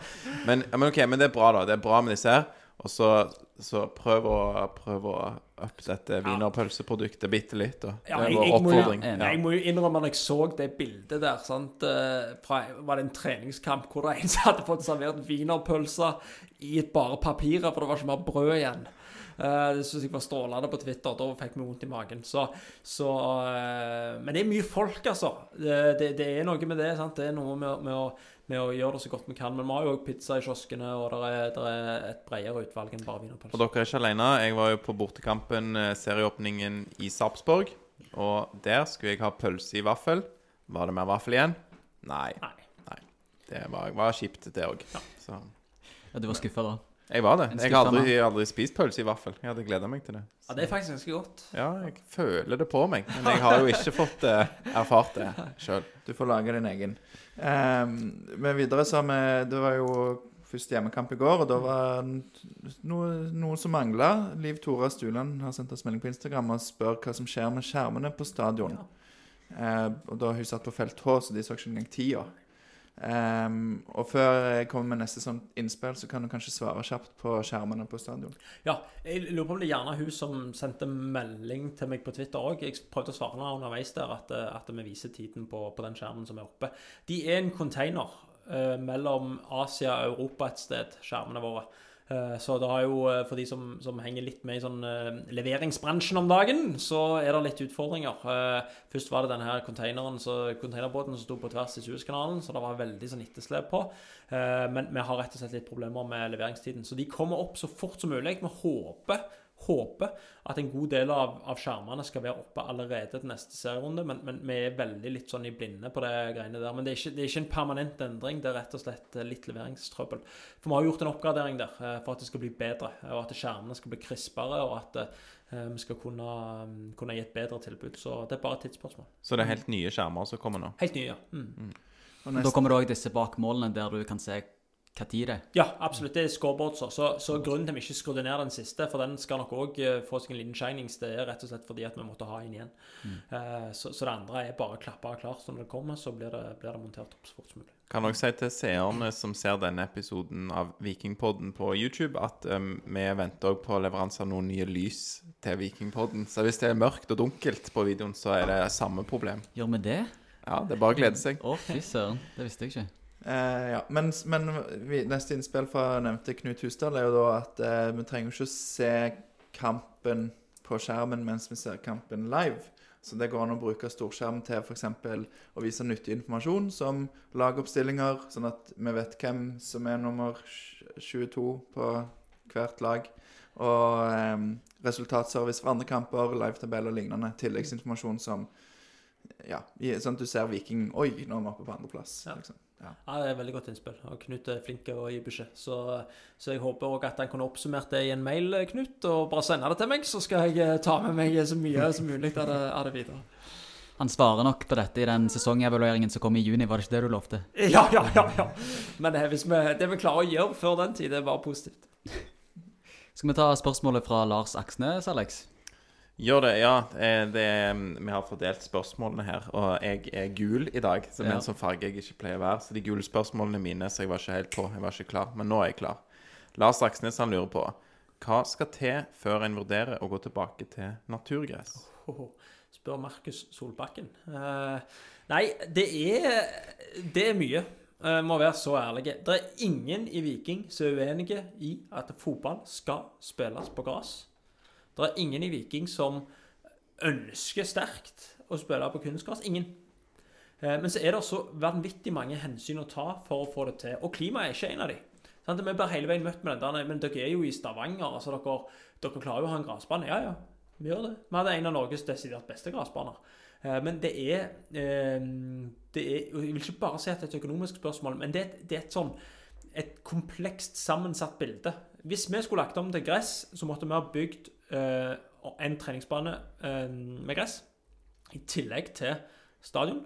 Og så måtte vi bygd én kunstgressbane til. Så vi måtte bygd minst to eh, nye baner. Og, for dere som har vært nær Ørtevågen, så er det veldig veldig vanskelig å få til. Eh, og nå er brukstiden på SR-Bank Arena den er gått fra ca. fire timer i uka med gress til 1500 i året med kunstgress. Eh, han er gjort tilgjengelig for barn og unge i hele regionen. Det er blitt den storstua det skal være. Eh, og det har ingenting med konserter å gjøre, for det har vi hatt eh, i, i 15 år med gras. Så det er utelukkende fordi at vi skal gi et godt nok tilbud for de beste talentene våre så tidlig som mulig. Og hadde vi hatt mulighet til å gjøre det både praktisk og økonomisk med gras, så hadde vi valgt det hver dag hele uka. Eh, Men, men eh, realiteten for oss og for veldig mange andre norske klubber er at vi, vi trenger den brukstiden som, som stadion gir oss. Så det er ingen som er uenige, eh, men, men realiteten er faktisk litt annen. Men da kan vi ta et lytterspørsmål fra Bjarte Østebø. For han Ja. på hvis du hadde 100 millioner ekstra på bok plutselig, hva hadde du brukt de pengene på? Det, ja, skal jeg svare med en gang? Svar Jeg hadde bygd et, trening, et treningsanlegg. Jeg hadde funnet et eller annet sted hvor vi kunne eh, bygd to-tre gressbaner, to-tre kunstgressbaner og et eh, klubbhus, garderobehus. Litt sånn som de europeiske storklubbene har. Litt sånn som de danske klubbene, som det ofte refereres til i denne gressdiskusjonen, har. Eh, hvor man rett og slett lager et akademi og et treningsanlegg for Viking. Det, det tror jeg hadde virkelig løftet oss. eh, Og så hadde nok det kosta mye mer enn 100 millioner. Så kunne det kosta 200 millioner. Men, men, men eh, det tror jeg hadde vært veldig veldig bra. For det er ikke plass på Eiganes der vi var før. Derfor måtte vi ha Da blir det. Randaberg. Ra- Randaberg er et veldig godt alternativ. Eh, for hvis du ser ut forbi altså, Hvis du ser ut forbi, eh, ut forbi Randaberg Arena, så ligger det to gressbaner der allerede. De skal bygge en stadion. Eh, men et sånn type type anlegg hadde vært vanvittig kult. Så, så det er noe som hadde gagna Viking på sikt, vet du. sant? Og en ny spiss til 25 millioner og en ny høyreback til 18 hadde på en måte levert i noen år, men, men, men hvis man virkelig skulle tatt det neste steget, både på akademisiden for å lage så gode fotballspillere, kunne solgt dem for mer eller lagd en bærekraftig klubb, så tror jeg at det hadde vært en fornuftig investering. Her er mitt innspill, da. Eh, nå er vi jo eh, på ytre Ytre Våland, eh, i Bekkefaret. Eh, rett ved sykehuset. Så hvis du hadde hatt istedenfor 100 millioner, hadde hatt kanskje 1000 millioner, en milliard, så hadde det, er det masse tomter som kommer snart opp. og snakka litt med kommunen. De river det gamle sykehuset. Der, det hadde jo vært helt nydelig, syns jeg. Prime fin, location. ja, fin beliggenhet. Kanskje litt vel dyrt, men eh, det var mitt, eh, mitt innspill, da. Som ikke Det syns jeg var et godt innspill. trenger å tenke på penger ja, for Viking. Det er det andre Nei, som det tenker er et sammensatt bilde, det der. Men jeg vil spørre eh, Gå tilbake til kunstgress, men Nei, til naturgress. Men når eh, skal dere skifte det dekket som er nå? For det har, har jeg hørt at spillere har klagt litt på. Vi ser jo litt at ja, ballen spretter litt av og til. Altså, Ja, ja. skal... Eh, Det er jo en kontinuerlig vurdering. Og så er det eh, faktisk sånn at banen testes før hver sesong og må Fifa-sertifiseres. Eh, Og den, den er på en måte innenfor det som er kravene, men vi er jo eh, ikke blinde for de utfordringene der. Eh, Og vi ser jo at eh, banen nå begynner å bli slitt, eh, og, og vi jobber hele veien for å legge best mulig til rette for A-laget vårt. Så, så i det så ligger det jo òg at, eh, at er en, sånn type beslutning om når det skal gjøres, er veldig nært forestående. Også om det vil si eh, eh, nå eller om et år eller to år, det, det får vi nesten, nesten ta. Men, men vi registrerer litt det samme. Og så, og så eh, er det, er det Ja. Hvor mye koster det å bytte kunstgress? ja. Hvor langt det er tau i dag? Det er vel mm. så langt som det er. Nei eh, Hvor tung er en stein? Ja. Keep it going. Det koster nok mellom 3 og 5 millioner. Okay. Eh, men vi vil nok tro eh, at når vi da bytter kunstgress Vi gjorde jo dette på en tid hvor det var helt avgjørende for oss for å sikre videre eksistensen til Viking og bytte til kunstgras. For den leieavtalen vi har med kommunen, det er de brukstimene vi får, de sparte kostnadene rundt det å ha en fin gressbane. Det gjorde at vi kom oss ut av uføret i 2017, så det var helt avgjørende og, og, og helt nødvendig. Men, men når vi nå skal bytte på et tidspunkt, så vil vi nok òg gjøre noen oppgraderinger. Vi vil gjerne utvide vanningsanlegget litt, som vi ikke tok oss råd til på samme måten da, for da handler det bare om å redde greiene. Eh, eh, varmekablene som, som ligger i, banen, eh, vil vi òg gjerne prøve å gjøre noen optimaliseringer på i, i den prosessen. så Derfor er det vanskelig å gi et sånn veldig sånn eh, nøyaktig prisestimat. Men, eh, men det er i det landet der. Ja. Men jeg så jo en lur løsning eh, på en klubb i USA. Der har de vanningsanlegg som består av en brannslange. Så det er Ja, så de går mange løsninger. ja. Ja. Det var mye vi tok med oss fra den USA-turen til inspirasjon. Det var ikke. Ehm, et litt annet spørsmål. Er det noen sprell fra markedsavdelingen som de har foreslått, som du har satt foten ned for noen gang, Eirik? Oi. Du var jo en del av denne markedsavdelingen for to år siden. Noe sånt, Eh, ja. ja, stemmer det. Mm. nei, jeg har vel egentlig ikke sagt, sagt sånn konkret nei til noe. Men vi, vi pleier jo å diskutere litt sånn Oi, er dette lurt? Men med en gang vi begynner å diskutere det, så vet vi at det ikke er riktig. For at igjen, det handler litt om den der påtattheten, da. Sant? Hvis du skal, nå skal jeg være løyen. Så det skal veldig mye til at du er løyen. Sant? Det, må være, liksom, det må leve litt, det må være litt sånn generisk. Det må bare liksom der skjedde det. sant? Det må være litt greia. Og det er det samme der òg. Med en gang vi begynner å analysere og tenke for mye på ting, så, så, så blir det ofte ikke, ikke helt personligheten vår. Så. Sånn som når eh, Gunnarsson og Brekalo plukker opp en smilsjokolade og tar bildet helt selv fordi de er veldig gode i norsk og vet at smil betyr å være glad, så er det sånn Det er veldig Ja, det var jeg som tok det bildet. Var det det? Nei, men, det var faktisk jeg som fysisk tok det, da. Men Ja. Hva var analysen bak dette? Ja, ja, ja. ja. Nei, altså um, Det var mange analyser. Uh, men, men det, det uh, Når Brekkalov spurte uh, What does this mean? Uh, så sier jeg It doesn't matter, just take the photo. uh, så, så, så ble det litt latter Det, det. Men, men eh, nei da, det, det, det var vel gjerne ikke den vi traff best på, men, men Ja, det eh, delte meninger om det. det skal Ja da, jo da, det er for så vidt sant. Men, Jeg, men jeg syns det var sånn Å, det var litt påtatt. Andre var sånn Yes, det var superbra jobba. Ja, det er jo på, altså, holdt jeg- åpenbart påtatt, men det er jo Jeg syns jo det som gjør det litt ekstra gøy. At det er sånn, ja. Men Men så du har ingen eksempler på noe dere har eh, som har vært vurdert, og som har vært sånn Oi, det ville truffet feil? Du, ingenting du kommer på som du kan nevne? Nei, altså jeg har jo faktisk eh, noen sånne filmklipp på mobilen som vi ikke har publisert, da. Eh, fordi at vi følte at nei, fader, sånn, vi hadde en på deadline day her og, og litt sånn. Men, eh, men så er vi litt sånn Nei, vet du hva, det, det, det blir ikke, ikke veldig løye. Eller det blir liksom Ja, det kan fort slå feil. Altså. Det er ikke noen sånn veldige eksempler, nei. Eh, vi prøver Men- å stoppe det før det kommer dit. er det noen ting som har gått gjennom, eller som de har gjort, som du har tenkt at Hva er det dere har gjort nå? Hva er det dere har satt i gang her? Nei, nei, altså Folk får jo mene det de vil om det. Jeg syns jo det, det meste som kommer ut, er liksom innafor. Jeg syns jo ikke alt er like bra, men, men jeg syns ikke det er noen som bikker over. Jeg har vel den eneste som har hatt noen som bikker over. Jeg fikk vel forsida av Aftenblad for noen år siden med, med en eller annen tweet hvor Jesper Mathisen gikk ut og slakta vel i 2017 eller 2018 eller et eller annet sånt. Men utover det så har Hva det var for noe? Jeg, jeg husker ikke helt, men det var noe sånn med tweeta med noe Vi hadde spilt mot Odd. Ja, det, jeg mener jeg minnes det. Ja, jeg husker ikke helt. Det var en diss mot Odd, eller noe sånt? Var det, Hæ? var det en diss mot Odd? Ja, det skulle ikke være det, men det ble jo det. det ble det, Eh, så men da lærte vi av det. Så har vi prøvd å ikke trøve den linja der igjen. Eh, men det var ikke intensjonen. Men nå spiller du meg så godt opp på, på Twitter her, og du har jo kontakt med en som heter Heine Vik mye på Twitter, har jeg sett. Og da spør Alexander Våland eh, forholdet mellom Heine Vik og Erik Bjørne på Twitter. Hvordan oppsto dette? Ja, det er sykt bra. Først og fremst, jeg har aldri møtt Heinevik. Jeg har aldri prata med Heinevik.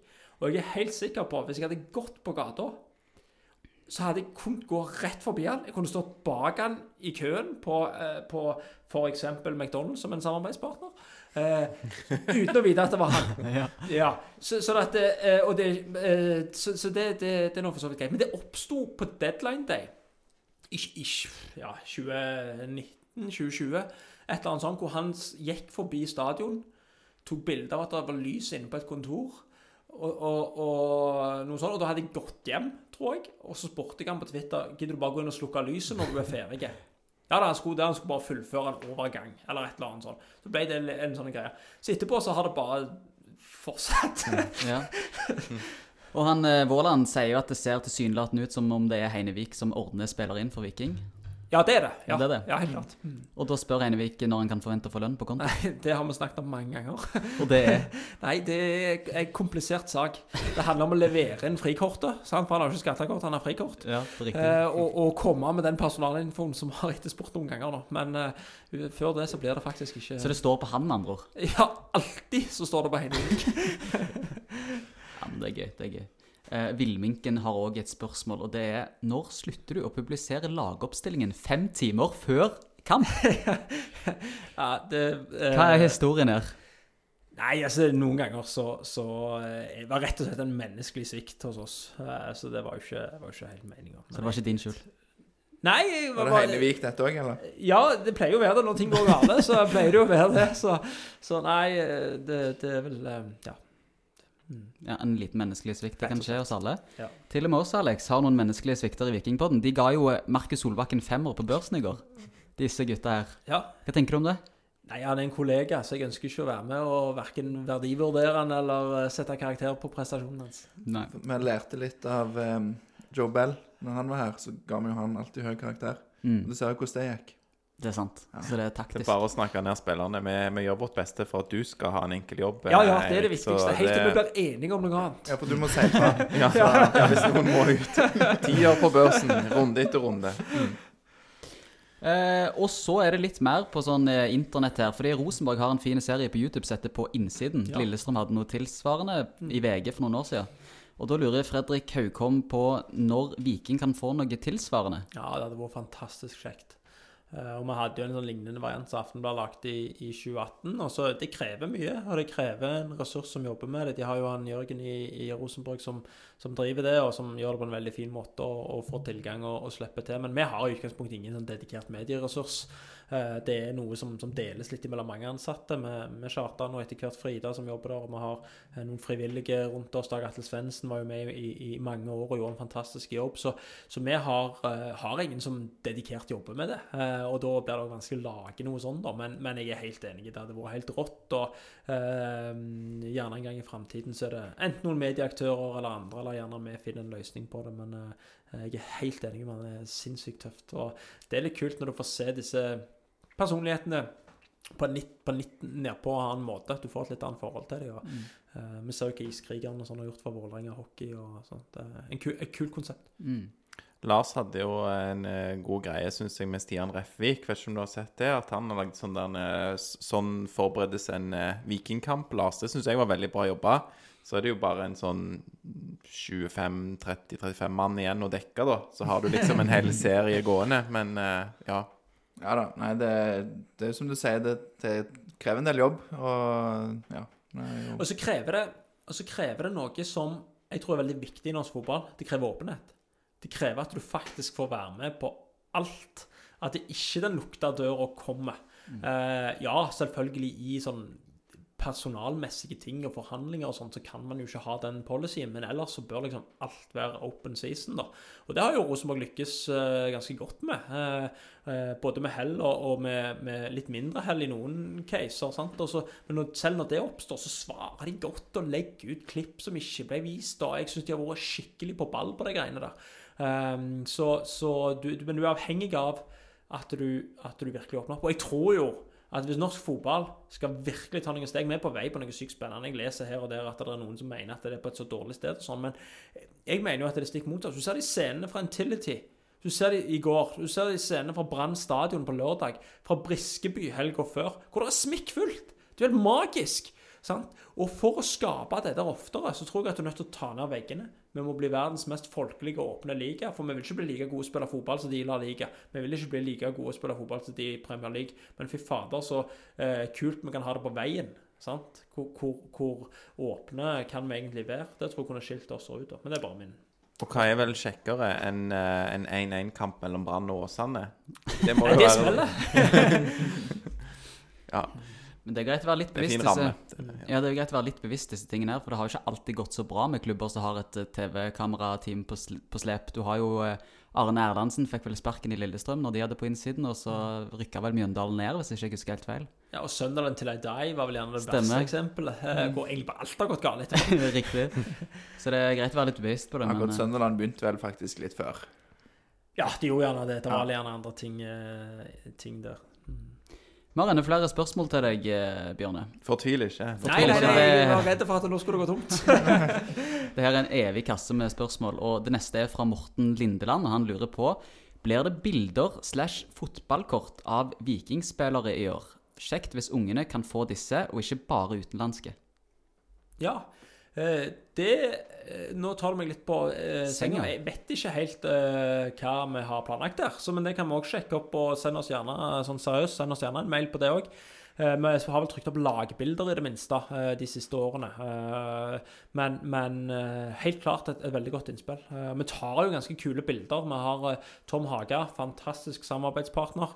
eh, tar kule bilder, både av oss og, og er òg i, i, i Oilers. tar bilder, eh, kule bilder av de, Så, så vi har liksom materiale, og så er det for satt det litt i system og sånn. da, Så, så eh, send oss gjerne en mail. Så kan jeg ikke love noen ting, men, men et godt innspill.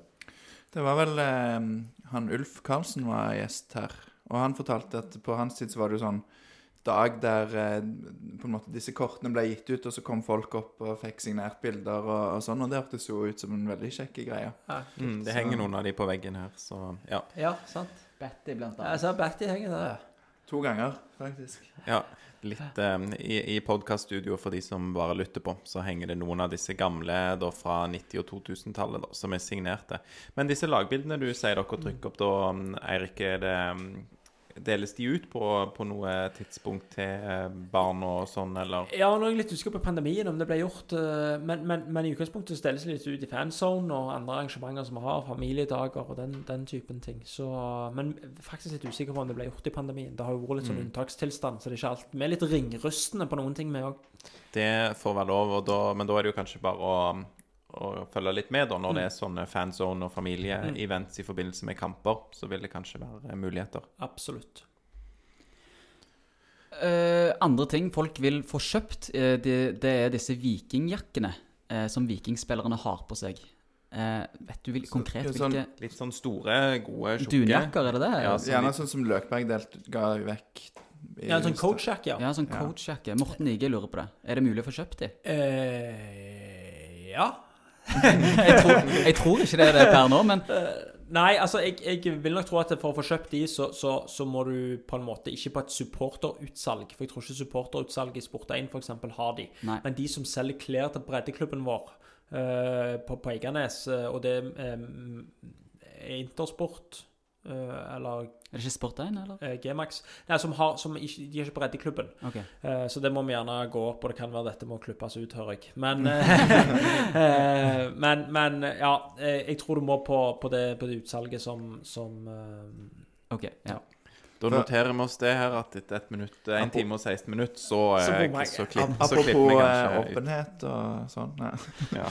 Da, men det med disse jakkene, og egentlig generelt sånn supporterklær, så sånn som den Torjør har på seg i, i dag, som jeg fikk i, i gave av Stian Refik, er jo sånn som sykt kult å få, om vi hadde fått kjøpt og få tak i. For det, jeg er i hvert fall veldig glad i å ha på meg klær med Viking og eh, trene i sånn overtrekksjakke med Viking-logo. Men det er litt begrensa utvalg i butikkene. Det som er der, er kult, men eh, jeg savner liksom å kunne gå i sånn som i gamle Vikingbutikken og plukke med meg en overtrekksjakke eller hva som helst. Så det håper jeg dere kan eh, Det tar vi med oss. Og det, jeg mener det jeg sa tidligere, altså uten, uten det engasjementet til supporterne, og at dere har lyst til å, på en måte være med og identifisere dere med oss, eh, så, så får vi ikke dette til. Så det er klart at vi må prøve å legge til rette for de tingene vi kan. Så klarer vi ikke alt på en gang, men, eh, men det er et godt innspill òg.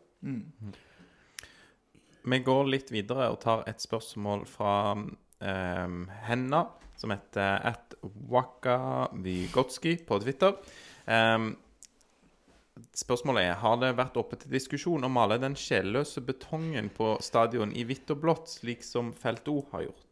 Det har ikke vært oppe til diskusjon, nei. Men jeg forstår jo at det er et ledende spørsmål hvor han gjerne vil ha en diskusjon. men, men eh, nei, det har ikke det. De ble vel det på baksiden eh, i publikumsområdene, så er det jo gjort litt arbeid. Det er jo eh, Bak den eh, langsiden på motsatt side av vippen der, så er det jo eh, foliert litt og, og, og gjort det sånn. Og Felt O har fått lov til å male et felt til. Og så eh, tror jeg nok at det er det, de første stegene, men, eh, men eh, vi må prøve å gjøre, eh, gjøre stadion så innbydende som mulig. Så, mm, så det er vi alltid eh, positive til. Men så, så har det ikke vært oppe til noen veldig diskusjon om å male all betongen. Det er mye betong. men, men, Men de der høye veggene er jo Det er vel én eller to igjen? ja, det er vel gjerne to bortover der, så det er mulig å ta. Så, så det, det igjen får vi bare vurdere. Så er vi jo alltid glad i symmetri, da. Eh, Så, så det er viktig at det ser litt, eh, ser litt OK ut. Men jeg, er, eh, jeg deler det synet på at betong kan være veldig sjelesløst til tider. Men jeg tror sånn malt betong, det, det blir fort gammelt og stygt. Er Du kan ikke male hele stadion blå, liksom. Det tror jeg hadde blitt ganske grusomt. Ja, det Skal male hele byen blå. Ja, det kan Ikke være. sant? Ikke sant? Men eh, apropos den kortsida der, safe standing, kommer det det på nye felt òg? Altså, det er alle som jobber i Viking, har lyst til å få det til. Eh, og vi jobber hardt for å få det til. Men det står litt på finansieringsbiten. Det er kostbart. og Vi har nettopp bytta de stolene som, som er der. Men, men når du ser det enorme trøkket som var i går mot eh, Ålesund. Ålesund. Eh, nå var jeg liksom på hvor var det neste, Ja, ja, ja. neste resonnementet. Men, eh, så, så men, men, men, vi er nødt til å prøve å få det til. Ja. og, og vi har veldig stor tro på at det på et tidspunkt så kommer det. Eh, men, vi må bare få det inn i planen. Det er mye som skal gjøres, det er mye som skal oppgraderes. Noe er vi nødt til å gjøre eh, eh, fordi vi, vi er pålagt det. Sant? Og, og hvordan skal det passe inn i planen? Men det er uten tvil, tvil målet. For, for eh, igjen, det er helt vilt, det som foregår eh, blant de syngende supporterne og blant, blant uh, vikingsupportere generelt. Mm.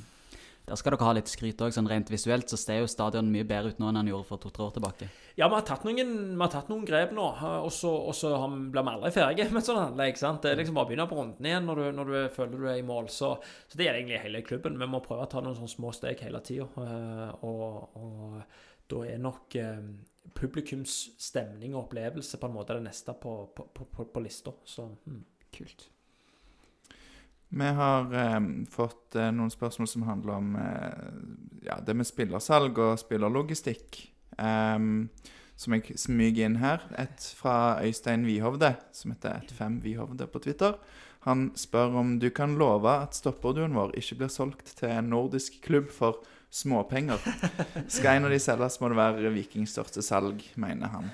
Ja, jeg syns jo de to uh, har virkelig vokst fram uh, til å bli uh, gjerne det beste stopperparet i Eliteserien. Eh, det har vært fullklart, for de har bare blitt bedre og bedre sammen. og Jeg syns de har sett i år, at de utfyller hverandre på en fantastisk måte. og eh, Gianni har jo en, i tillegg en toppfart som er helt på øverste internasjonale nivå. Og, og den der robustheten og fandenivoldskheten som, som eh, eh, David viser, er, er en veldig god kombo, da.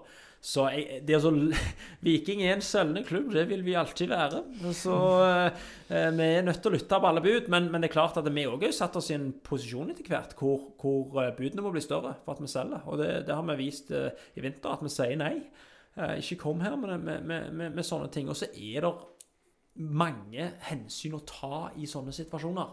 Eh, og vi heller ønsker jo ikke å selge til, nei, til skandinaviske klubber hvis vi skal klare å tørre å tenke at vi skal konkurrere med dem etter hvert. For Champions League-plasser, for Europa League-plasser, for andre ting generelt i Norge, ikke bare nødvendigvis Viking. sant? Men da må ikke vi bare forsyne dem med de gode spillerne hele veien heller. Men så er vi jo i en, situasjon hvor vi er nødt til å selge eh, for at vi skal få butikken vår til å gå rundt. Så så jeg, jeg kan ikke love det, dessverre, men jeg kan gjøre alt i min makt for at vi i det minste skal få mest mulig eh, den dagen de skal videre. Fordi eh, fortsetter de å, å ta de stegene de har tatt nå, så blir de modne for, eh, for de aller største ligaene.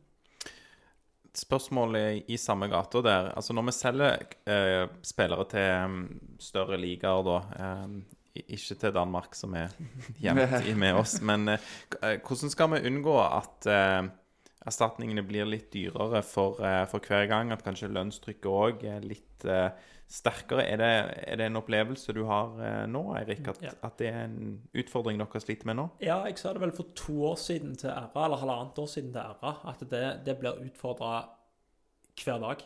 Altså hver dag. Og det er like gjeldende nå, halvannet år etterpå.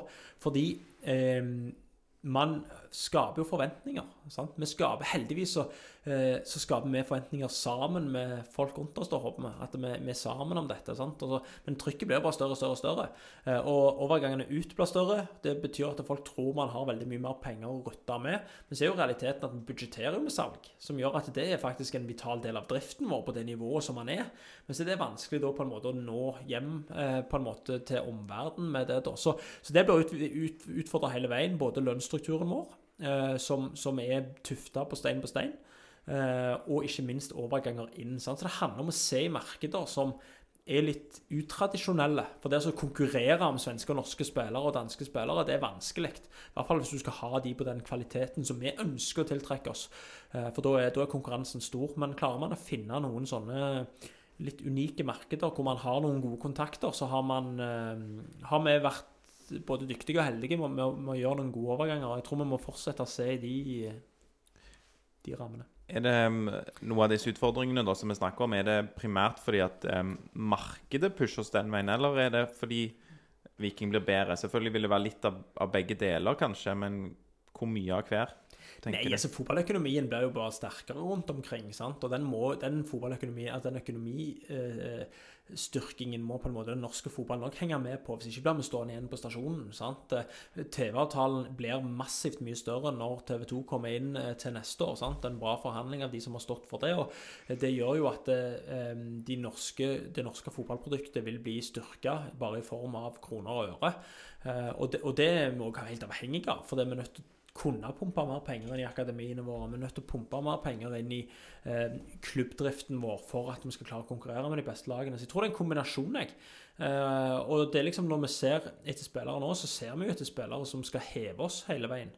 Eh, og så håper vi at vi skal klare å fylle på bakfra med unge spillere, hvor én og to gjerne kan ta steg i hvert år. Som vi så med Harald Nelsen Tangen i, i fjor, og Sebulonsen i fjor. Og så håper vi at det skal komme en ut av hatten i år òg. Mens vi er inne på dette med overganger, da, så har eh, Knut Rye Larsen kommet med noen spørsmål på Instagram. og Han sier at eh, i Norge er det ikke lov med utkjøpsklausuler i kontrakten. Eh, Et eksempel på dette er jo Bell som sa til Vikingpodden at han fikk løfter da han signerte om at han skulle få lov til å gå videre når den rette muligheten kom. Eh, har dere noen muntlige avtaler gjort med personer som eh, Nå må du hjelpe meg å omformulere ja. dette, Lars. For det er nå Ja. Fordi sånn I eksempelet med Bell da, sånn, så har han fått et løfte, eller ifølge han i hvert fall, eh, om at de har en felles forståelse om at eh, når den rette muligheten kom, så skal ikke Viking stå i veien. Og i et sånt eksempel eh, er jo det en avtale som er gjort med personer som nå ikke er i klubben. Hvordan forholder dere dere til det, og hva tenker du om utkjøpsklausuler? Det er en todelt. To spørsmål. Ja. Eh, først og fremst så gjør Viking ingen avtaler med noen. Sant? Eh, er bra vi parkerer den. Eh, men så er det jo da, når du står i en forhandling, eh, så er det jo Viking er en selgende klubb. Sant? Det sier vi utad, det sier vi hele veien, at når det kommer bud, så vil vi lytte. Sant? Men, men det er fryktelig vanskelig når man ikke har lov til å avtale noe, når man ikke har lov til å snakke om disse tingene, og ha en felles forståelse for ting, hvordan situasjonene er. Og Det er helt uavhengig av hvem som er i klubben til enhver tid, for det er jo ikke lov. Sant? Så vi gjør det aldri. Eh, men så er det den der, eh, den der kommunikasjonen rundt hva, hva eh, hvor Viking står i, i hierarkiet, og hvor- vi ser at vi er nødt til å selge eller beholde spillere, og til hvilken verdi. Så, så er det jo markedet som styrer dette, da. Sant? Det er liksom hvem ofte så ofte, det, Om man har en avtale eh, eh, hvor, hvor dette hadde vært lov, da, sant? så ville det gitt noen fordeler. Uten tvil. Men det ville òg gitt noen ulemper. Så er liksom å veie disse tingene opp imot hverandre. Hadde det vært bedre å få avtalt det? Ja, du kunne gjerne hatt litt Du hadde gjerne tiltrukket noen bedre spillere, for de vet at de blir ikke låst i en kontrakt. sant? Man vil ha muligheten til å eh, til å gjerne ha et lønnsnivå som kan være litt mer eh, moderat, kanskje, fordi at de vet at de får gå, videre eh, til å gjøre de store pengene et annet sted. Sant? Så det er jo en sånn interessant eh, innfallsvinkel. Samtidig så eh, vil man jo begrense oppsiden sin, da.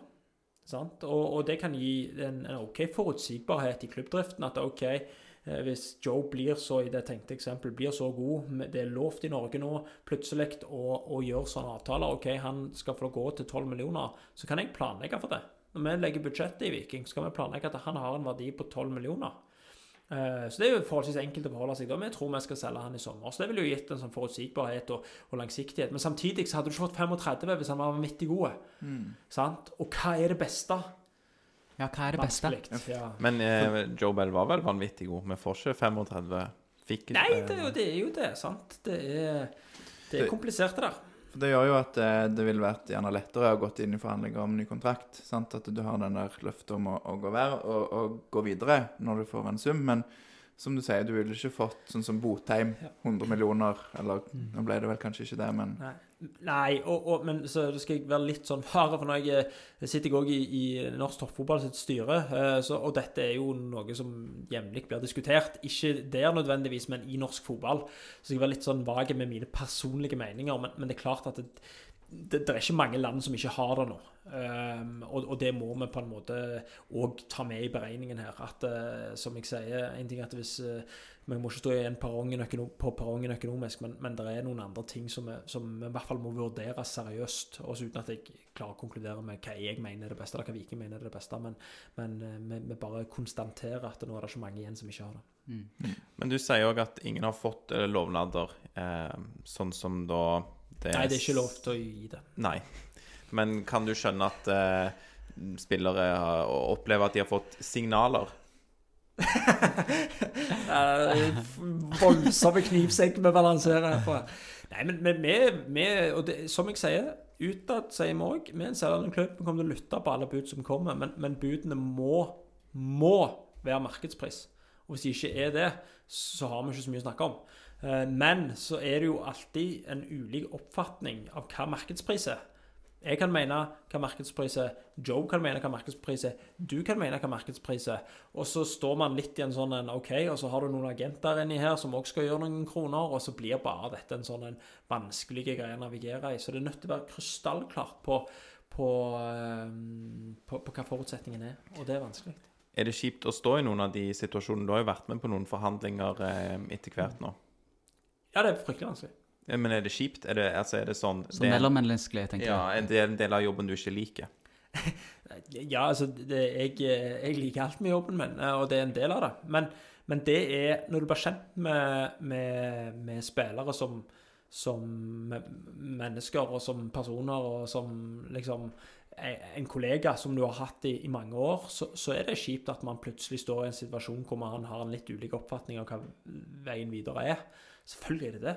Det er jo en sånn helt mellommenneskelig perspektiv, så, så er det kjipt å stå i det. Mm. Eh, og, og når følelsene blir, blir sterke, så er det jo enda verre. Men, eh, men samtidig så, så, så er det en del av det. Og så må vi igjen tilbake til det vi snakket om for halvannen time siden. Hva er det beste for Viking? Ja. Og så må vi ta valgene basert på det. Mm. Veldig bra. Du nevnte sjøl at du sitter i styret i norsk toppfotball, eh, Eirik. Og vi har fått et spørsmål eh, som en, en som har sendt på e-post til oss, der eh, han lurer på dette med omlegging av seriesystemet, og han skriver Det kan virke som om at krefter i norsk to toppfotball ønsker å legge om seriesystemet i Eliteserien til enten færre lag eller serie med sluttspill for å generere mer penger til norsk fotball. Hva er Viking sine tanker om dette, og hvem er det som beslutter hva Viking skal mene?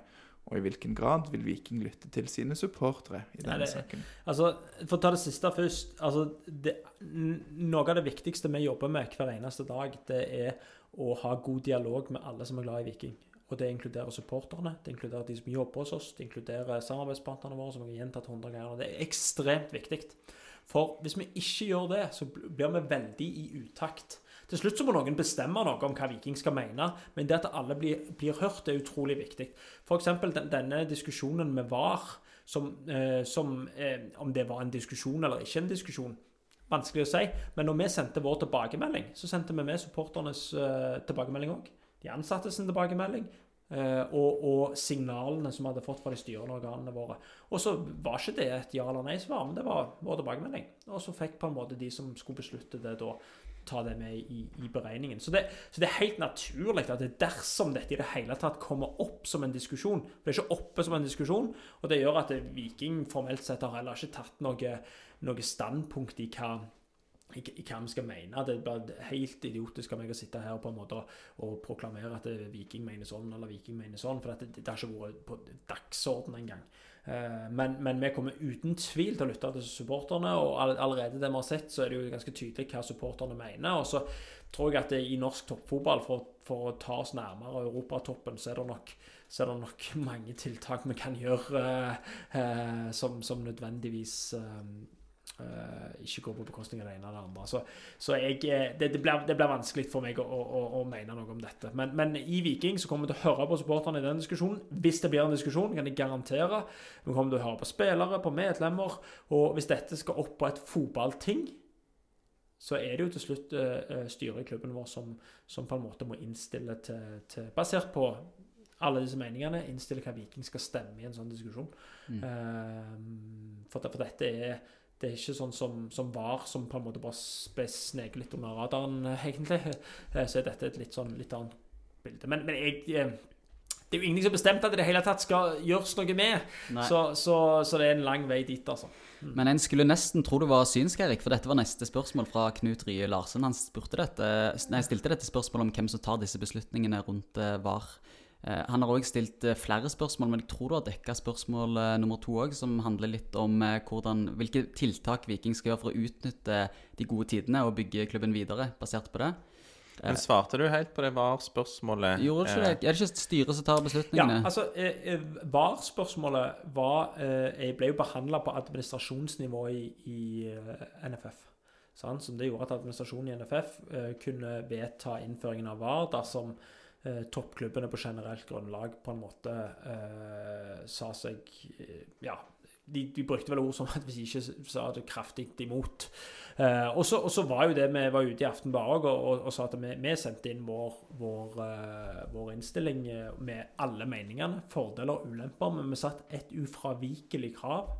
Det at vi skal få være med og optimalisere bruken både før og underveis. Så at det ikke skader produktet. Og det absolutt viktigste kravet som ikke bare vi, men som alle klubbene er veldig Jeg skal ikke tale under en kamp, men som mange klubber er veldig samstemte om. Det skal ikke gå på bekostning av publikumsopplevelsen.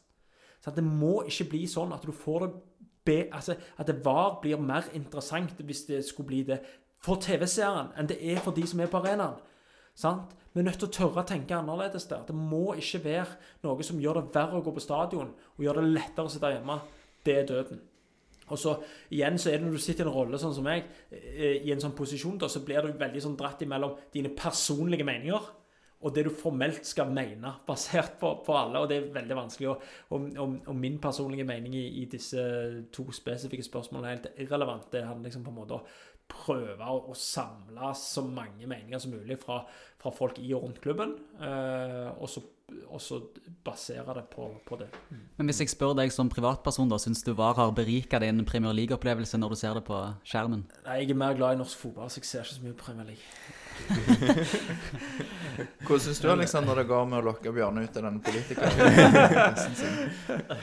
Nei, jeg vet ikke. Jeg merker at det kanskje blir litt sånn Jeg vet ikke. Jeg, jeg, jeg, vi har blitt betegna som sånn eh, hobbyjournalister av og til. Og de, det er kanskje en grunn for at man går tre år på skole for å bli journalist, liksom, for å pushe litt mer på. da Så vi behandler jo deg så fint, Eirik. Syns du Ja, ikke det? Jo da. Jo. Men jeg må jo si at det, det, du er jo god å svare og si ting som på en måte treffer godt, og snakke varmt om Viking og sånn. Og nå Du var litt inne på det sjøl, at ting er veldig positivt, og vi er på vei opp og fram. Men eh, vi håper jo at denne åpenheten, og det at du kommer her til oss eh, som er glade amatører, og, og svarer på spørsmålene våre når Viking er både når de er i toppen i Eliteserien og er ute og spiller Europacup mot Roma, og det eh, blåser litt rundt klubben, både kan være på topp eller nede på banen, at du, du vil stille da òg. Ja, ja, uten tvil. Og det så du, det, det var gjerne det viktigste på en måte som vi som fikk være så heldige å være i Viking når Eirik Henningsen var der. Han sto rakrygga, han. Gjennom den driten fra 2015 og nedrykk i 17 og opprykk, og, og det er liksom vi virkelig tatt med oss. Det, så det kan vi også tro at vi er på veien her nå med å bli kjent med hverandre. Sånn, Jeg er så ufattelig glad for det forholdet som klubben har fått sammen med Felt O-grupperingen og menneskene der. Jeg var og så første serierunde mot Sarpsborg, var nede på Beverly. Det var helt magisk. Sant? Eh, Og jeg tror at hvis vi klarer å bli kjenne med hverandre og forstå at vi har ulike roller i det, så det er ingen problem å stå rakrygga, om det er i podcaster eller på tribunen eller i, i kaffekøen, eh, eh, hvis vi på en måte skjønner at det, at det ikke er personlig. Eh, og, og det har jeg 100 tiltro til, og, og, og med det engasjementet fra, fra noen helt enorme ildsjeler i og rundt felt O i sesongkort, blant sesongkortholderne og alt mulig. Så, så jeg er sikker på at vi skal klare å bevare det. Så kommer i hvert fall til å jobbe steinhardt for. Jeg er sikker på at det er et par i um, den markedsavdelingen vår som hadde slått oss i hodet med noe knallhardt hvis vi hadde prøvd oss på noe annet. Så, så um, det skal vi virkelig, virkelig eh, ja. Eh, og en litt sånn interessant eh, melding. Ny overgang. Ja, ja, ja, ja nesten. Eh, så det skal vi virkelig prøve å prøve på. Så, ja. Vi har et par spørsmål igjen. Ja. Du Ja. er god å svare, og vi setter veldig pris på at du eh, tar deg god tid til å svare på spørsmålene.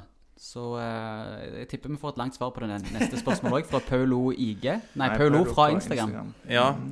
um, han eh, sier Viking har en svært aktiv supportergruppering på Østlandet, Viking Oslo. Mange av Vikings bortekamper er Viking Oslo sine hjemmekamper. Um, noe laget har merket flere ganger. Det er jo kjent for de aller fleste. Så spør han når og dette er et utfordrende spørsmål, da, eh, som kanskje er litt eh, større enn at bare Viking må ta tak i det. Men han spør når skal Viking tilby et sesongkort til Viking-supportere i utlendighet? For de som vil støtte klubben ehm, uten at liksom man må da kjøpe på SR Bank Arena, som da vil stå tomt. Går det an, tror du? Han, han kom jo med forslag til frynsegode som kunne vært forkjøpsrett på cupfinalebilletter eller eh, ja, Mm. sånne ting. da. Altså eh, Nei, det, det, det er en gjeng i Oslo der, der Viking Oslo. Altså, når du er i Oslo, uansett når det er, uansett hvilken kamp det er, så samles de på Brygg eller annet. Og det, det er bare god stemning. Det, det er bare en herlig gjeng med, med folk. Og uansett på hvilken østlandskamper, så er det sm- smikkfullt, og det, det er bare helt nydelig. Og, og sånne type initiativer, det er det som kommer til å gjøre norsk fotball bedre. Det er jeg helt sikker på. Det er ikke en løsning for det. Jeg har ikke noe svar for det. Men fy fader, for en god idé. Og det mener jeg genuint. sant? Nå har vi tatt steg i, i norsk toppfotball at alle klubbene skal benytte det samme billettsystemet. De fleste begynner nå å komme inn på det samme billettsystemet. Er dette noe vi nå kunne sett inn i? Jeg syns definitivt det er noe som bør diskuteres. Det er gjerne noen humper på veien som vi ikke helt klarer å fange opp, men en sånn type gode definitivt noe som bør ses, ses inn på. Eh, for, for det, det å ha bortesupportere for Viking òg, det beriker alt det vi driver med. Når det er fullt på bortefeltet vårt, blir det bedre stemning på hele stadion. Folk vil komme tilbake. Det er litt rivaliserende lyd. Sant? Det er liksom krefter som jobber mot hverandre. Og det å være med og understøtte det, det er tror jeg utrolig viktig. Vi har en målsetning med i, i Viking, og vet ikke om vi når den. og Det er gjerne en udefinert målsetning rundt kamparrangementene våre. Vi har fem målsetninger. Den eh, nummer fem det er å være den kuleste arenaen for bortesupportere å besøke.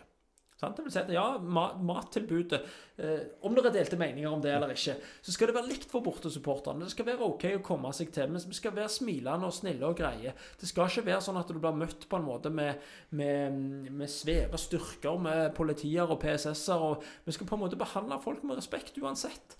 Eh, og, Litt annerledes enn Molde, med andre ord. jeg skal ikke uttale meg om, men de kutta faktisk en del, men eh, ja. Men, men det tror jeg er veldig viktig. da. For at det at det, eh, først Enga eh, og, og klanen mobiliserer til, til tilfeldigvis Molde, og Lillestrøm mobiliserer til Briskeby, det gjør jo at Eliteserien blir sterkere. Og hva kan vi gjøre for at Eliteserien blir sterkere oftere?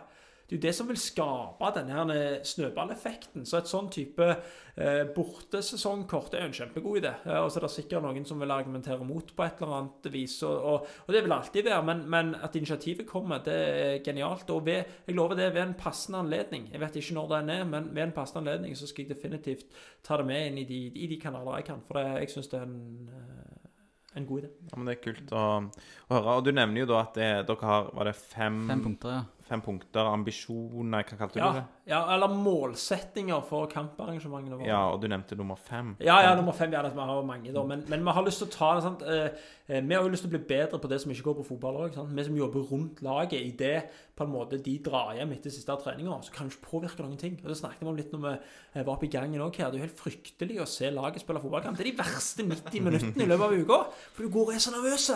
Sant? Sånn at, ok, Hva arbeidsoppgaver kan vi gjøre for at vi skal på en måte eh, bli bedre på det som går på kamparrangementer? da, sant? I fjor havna vi på nummer ti på arrangørtabellen. Nummer ti. Sant? Det er jo en helt naturlig målsetning for at det er vi som bruker så mye tid og ressurser på at folk skal ha det greit på stadion, at vi skal være topp fem. Sant? Så Det er en av målsetningene våre.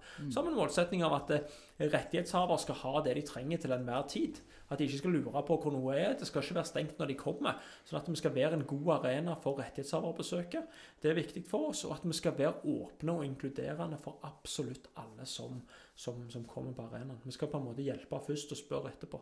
Eh, og så lykkes vi etter fader jeg, men vi prøver i hvert fall å, å, å, definere noen sånne ting. da. Eh, som gjør at det skal gi de som er på jobb. Sant? For en arbeidsdag for de eh, galne folka som jobber hos oss altså det, På kampdag det er jo fader seks timer før kampstart så kommer folk. Og så er det kampen, og så er det fort en time med etterarbeid. sant? Det er jo fort en ti-tolv timers dag. Ja. Og det å ha liksom en, en sånn mål og gulrot i, i, i enden, det har vi litt tro på, da. Så klatre litt på den tabellen der, det hadde vært litt gøy. Så det var punkt nummer fire. Så er det tre. Ja, ja, nei, nei, det var vel en oppsummering av alle.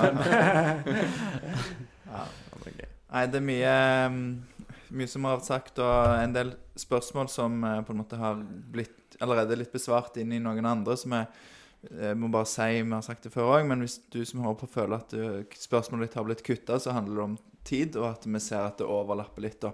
Så vi er vel kommet ganske til, til slutten nå, men eh, vi har fått òg et innspill der vi ber, blir bedt om å gi kred til Viking for å kjøre support og kickoff. Veldig bra. Det var jo etter Det var vel eh, noen som tok initiativet sjøl på Ja, ja, det var jo en Twitter-melding, det, tror jeg. Ja. Eh, jeg husker ikke helt hvem det var, men som utfordret oss på det. Og så svarte vel Kjartan ganske kjapt, og så ble det en kul greie. Så det håper vi skal bli en årlig greie. Så tror jeg nok gjerne formatet neste år blir litt annerledes. Vi lærer jo litt, vi òg, men, eh, men eh, vi er nødt til å ta, ta vare på så mange vi kan. Mm.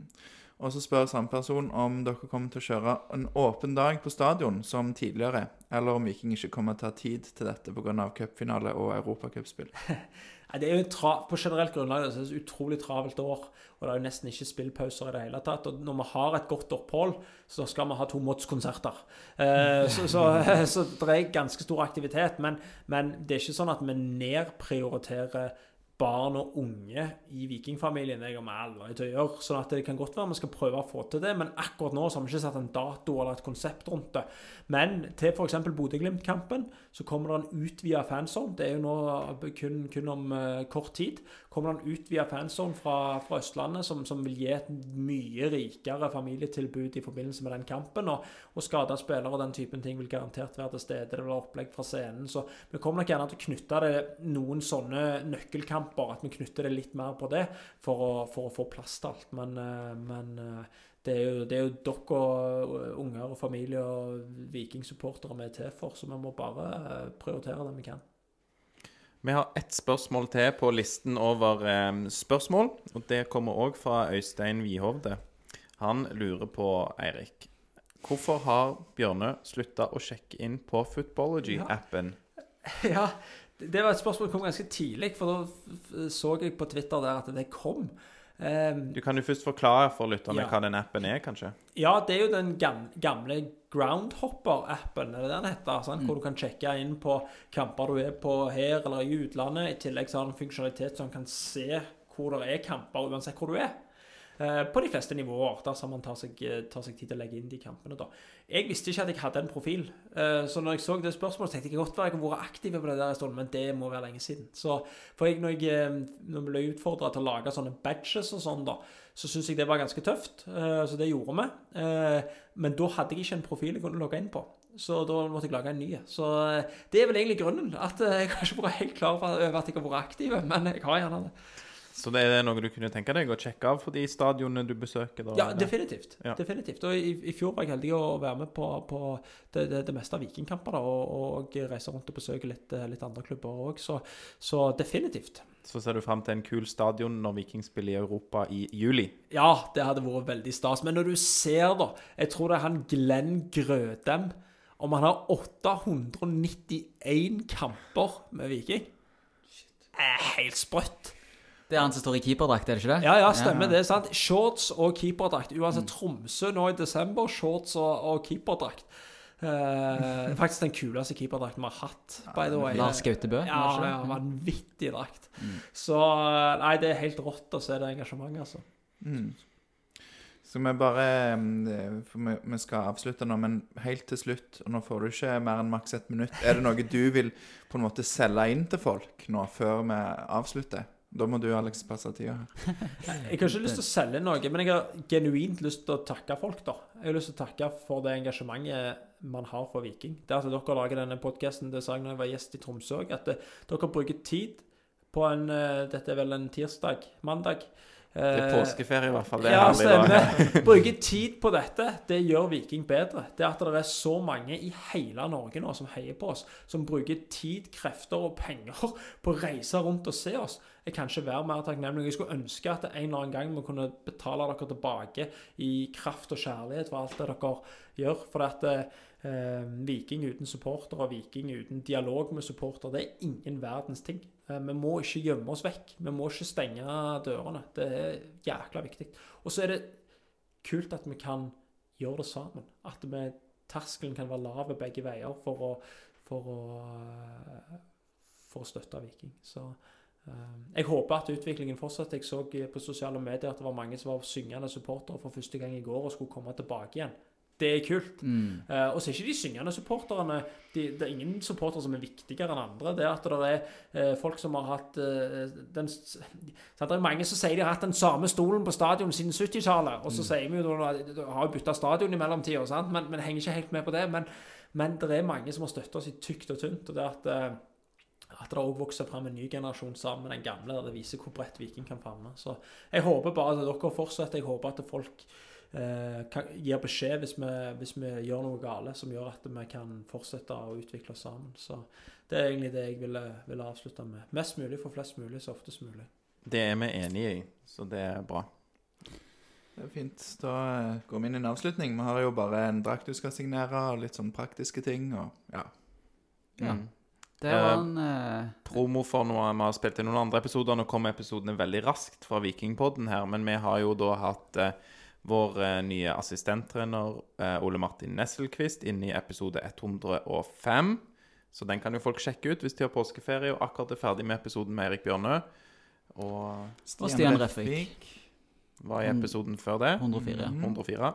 Du finner det hvis du googler Vikingpodden. Eller i hvert fall søker på Vikingpodden på podkastappen. Eller eh, Vi er så mange steder. Vi er overalt. Til og med på YouTube. Så det er vel det vi ønsker å meddele da. Da Da sier vi én, to, tre Heia Viking!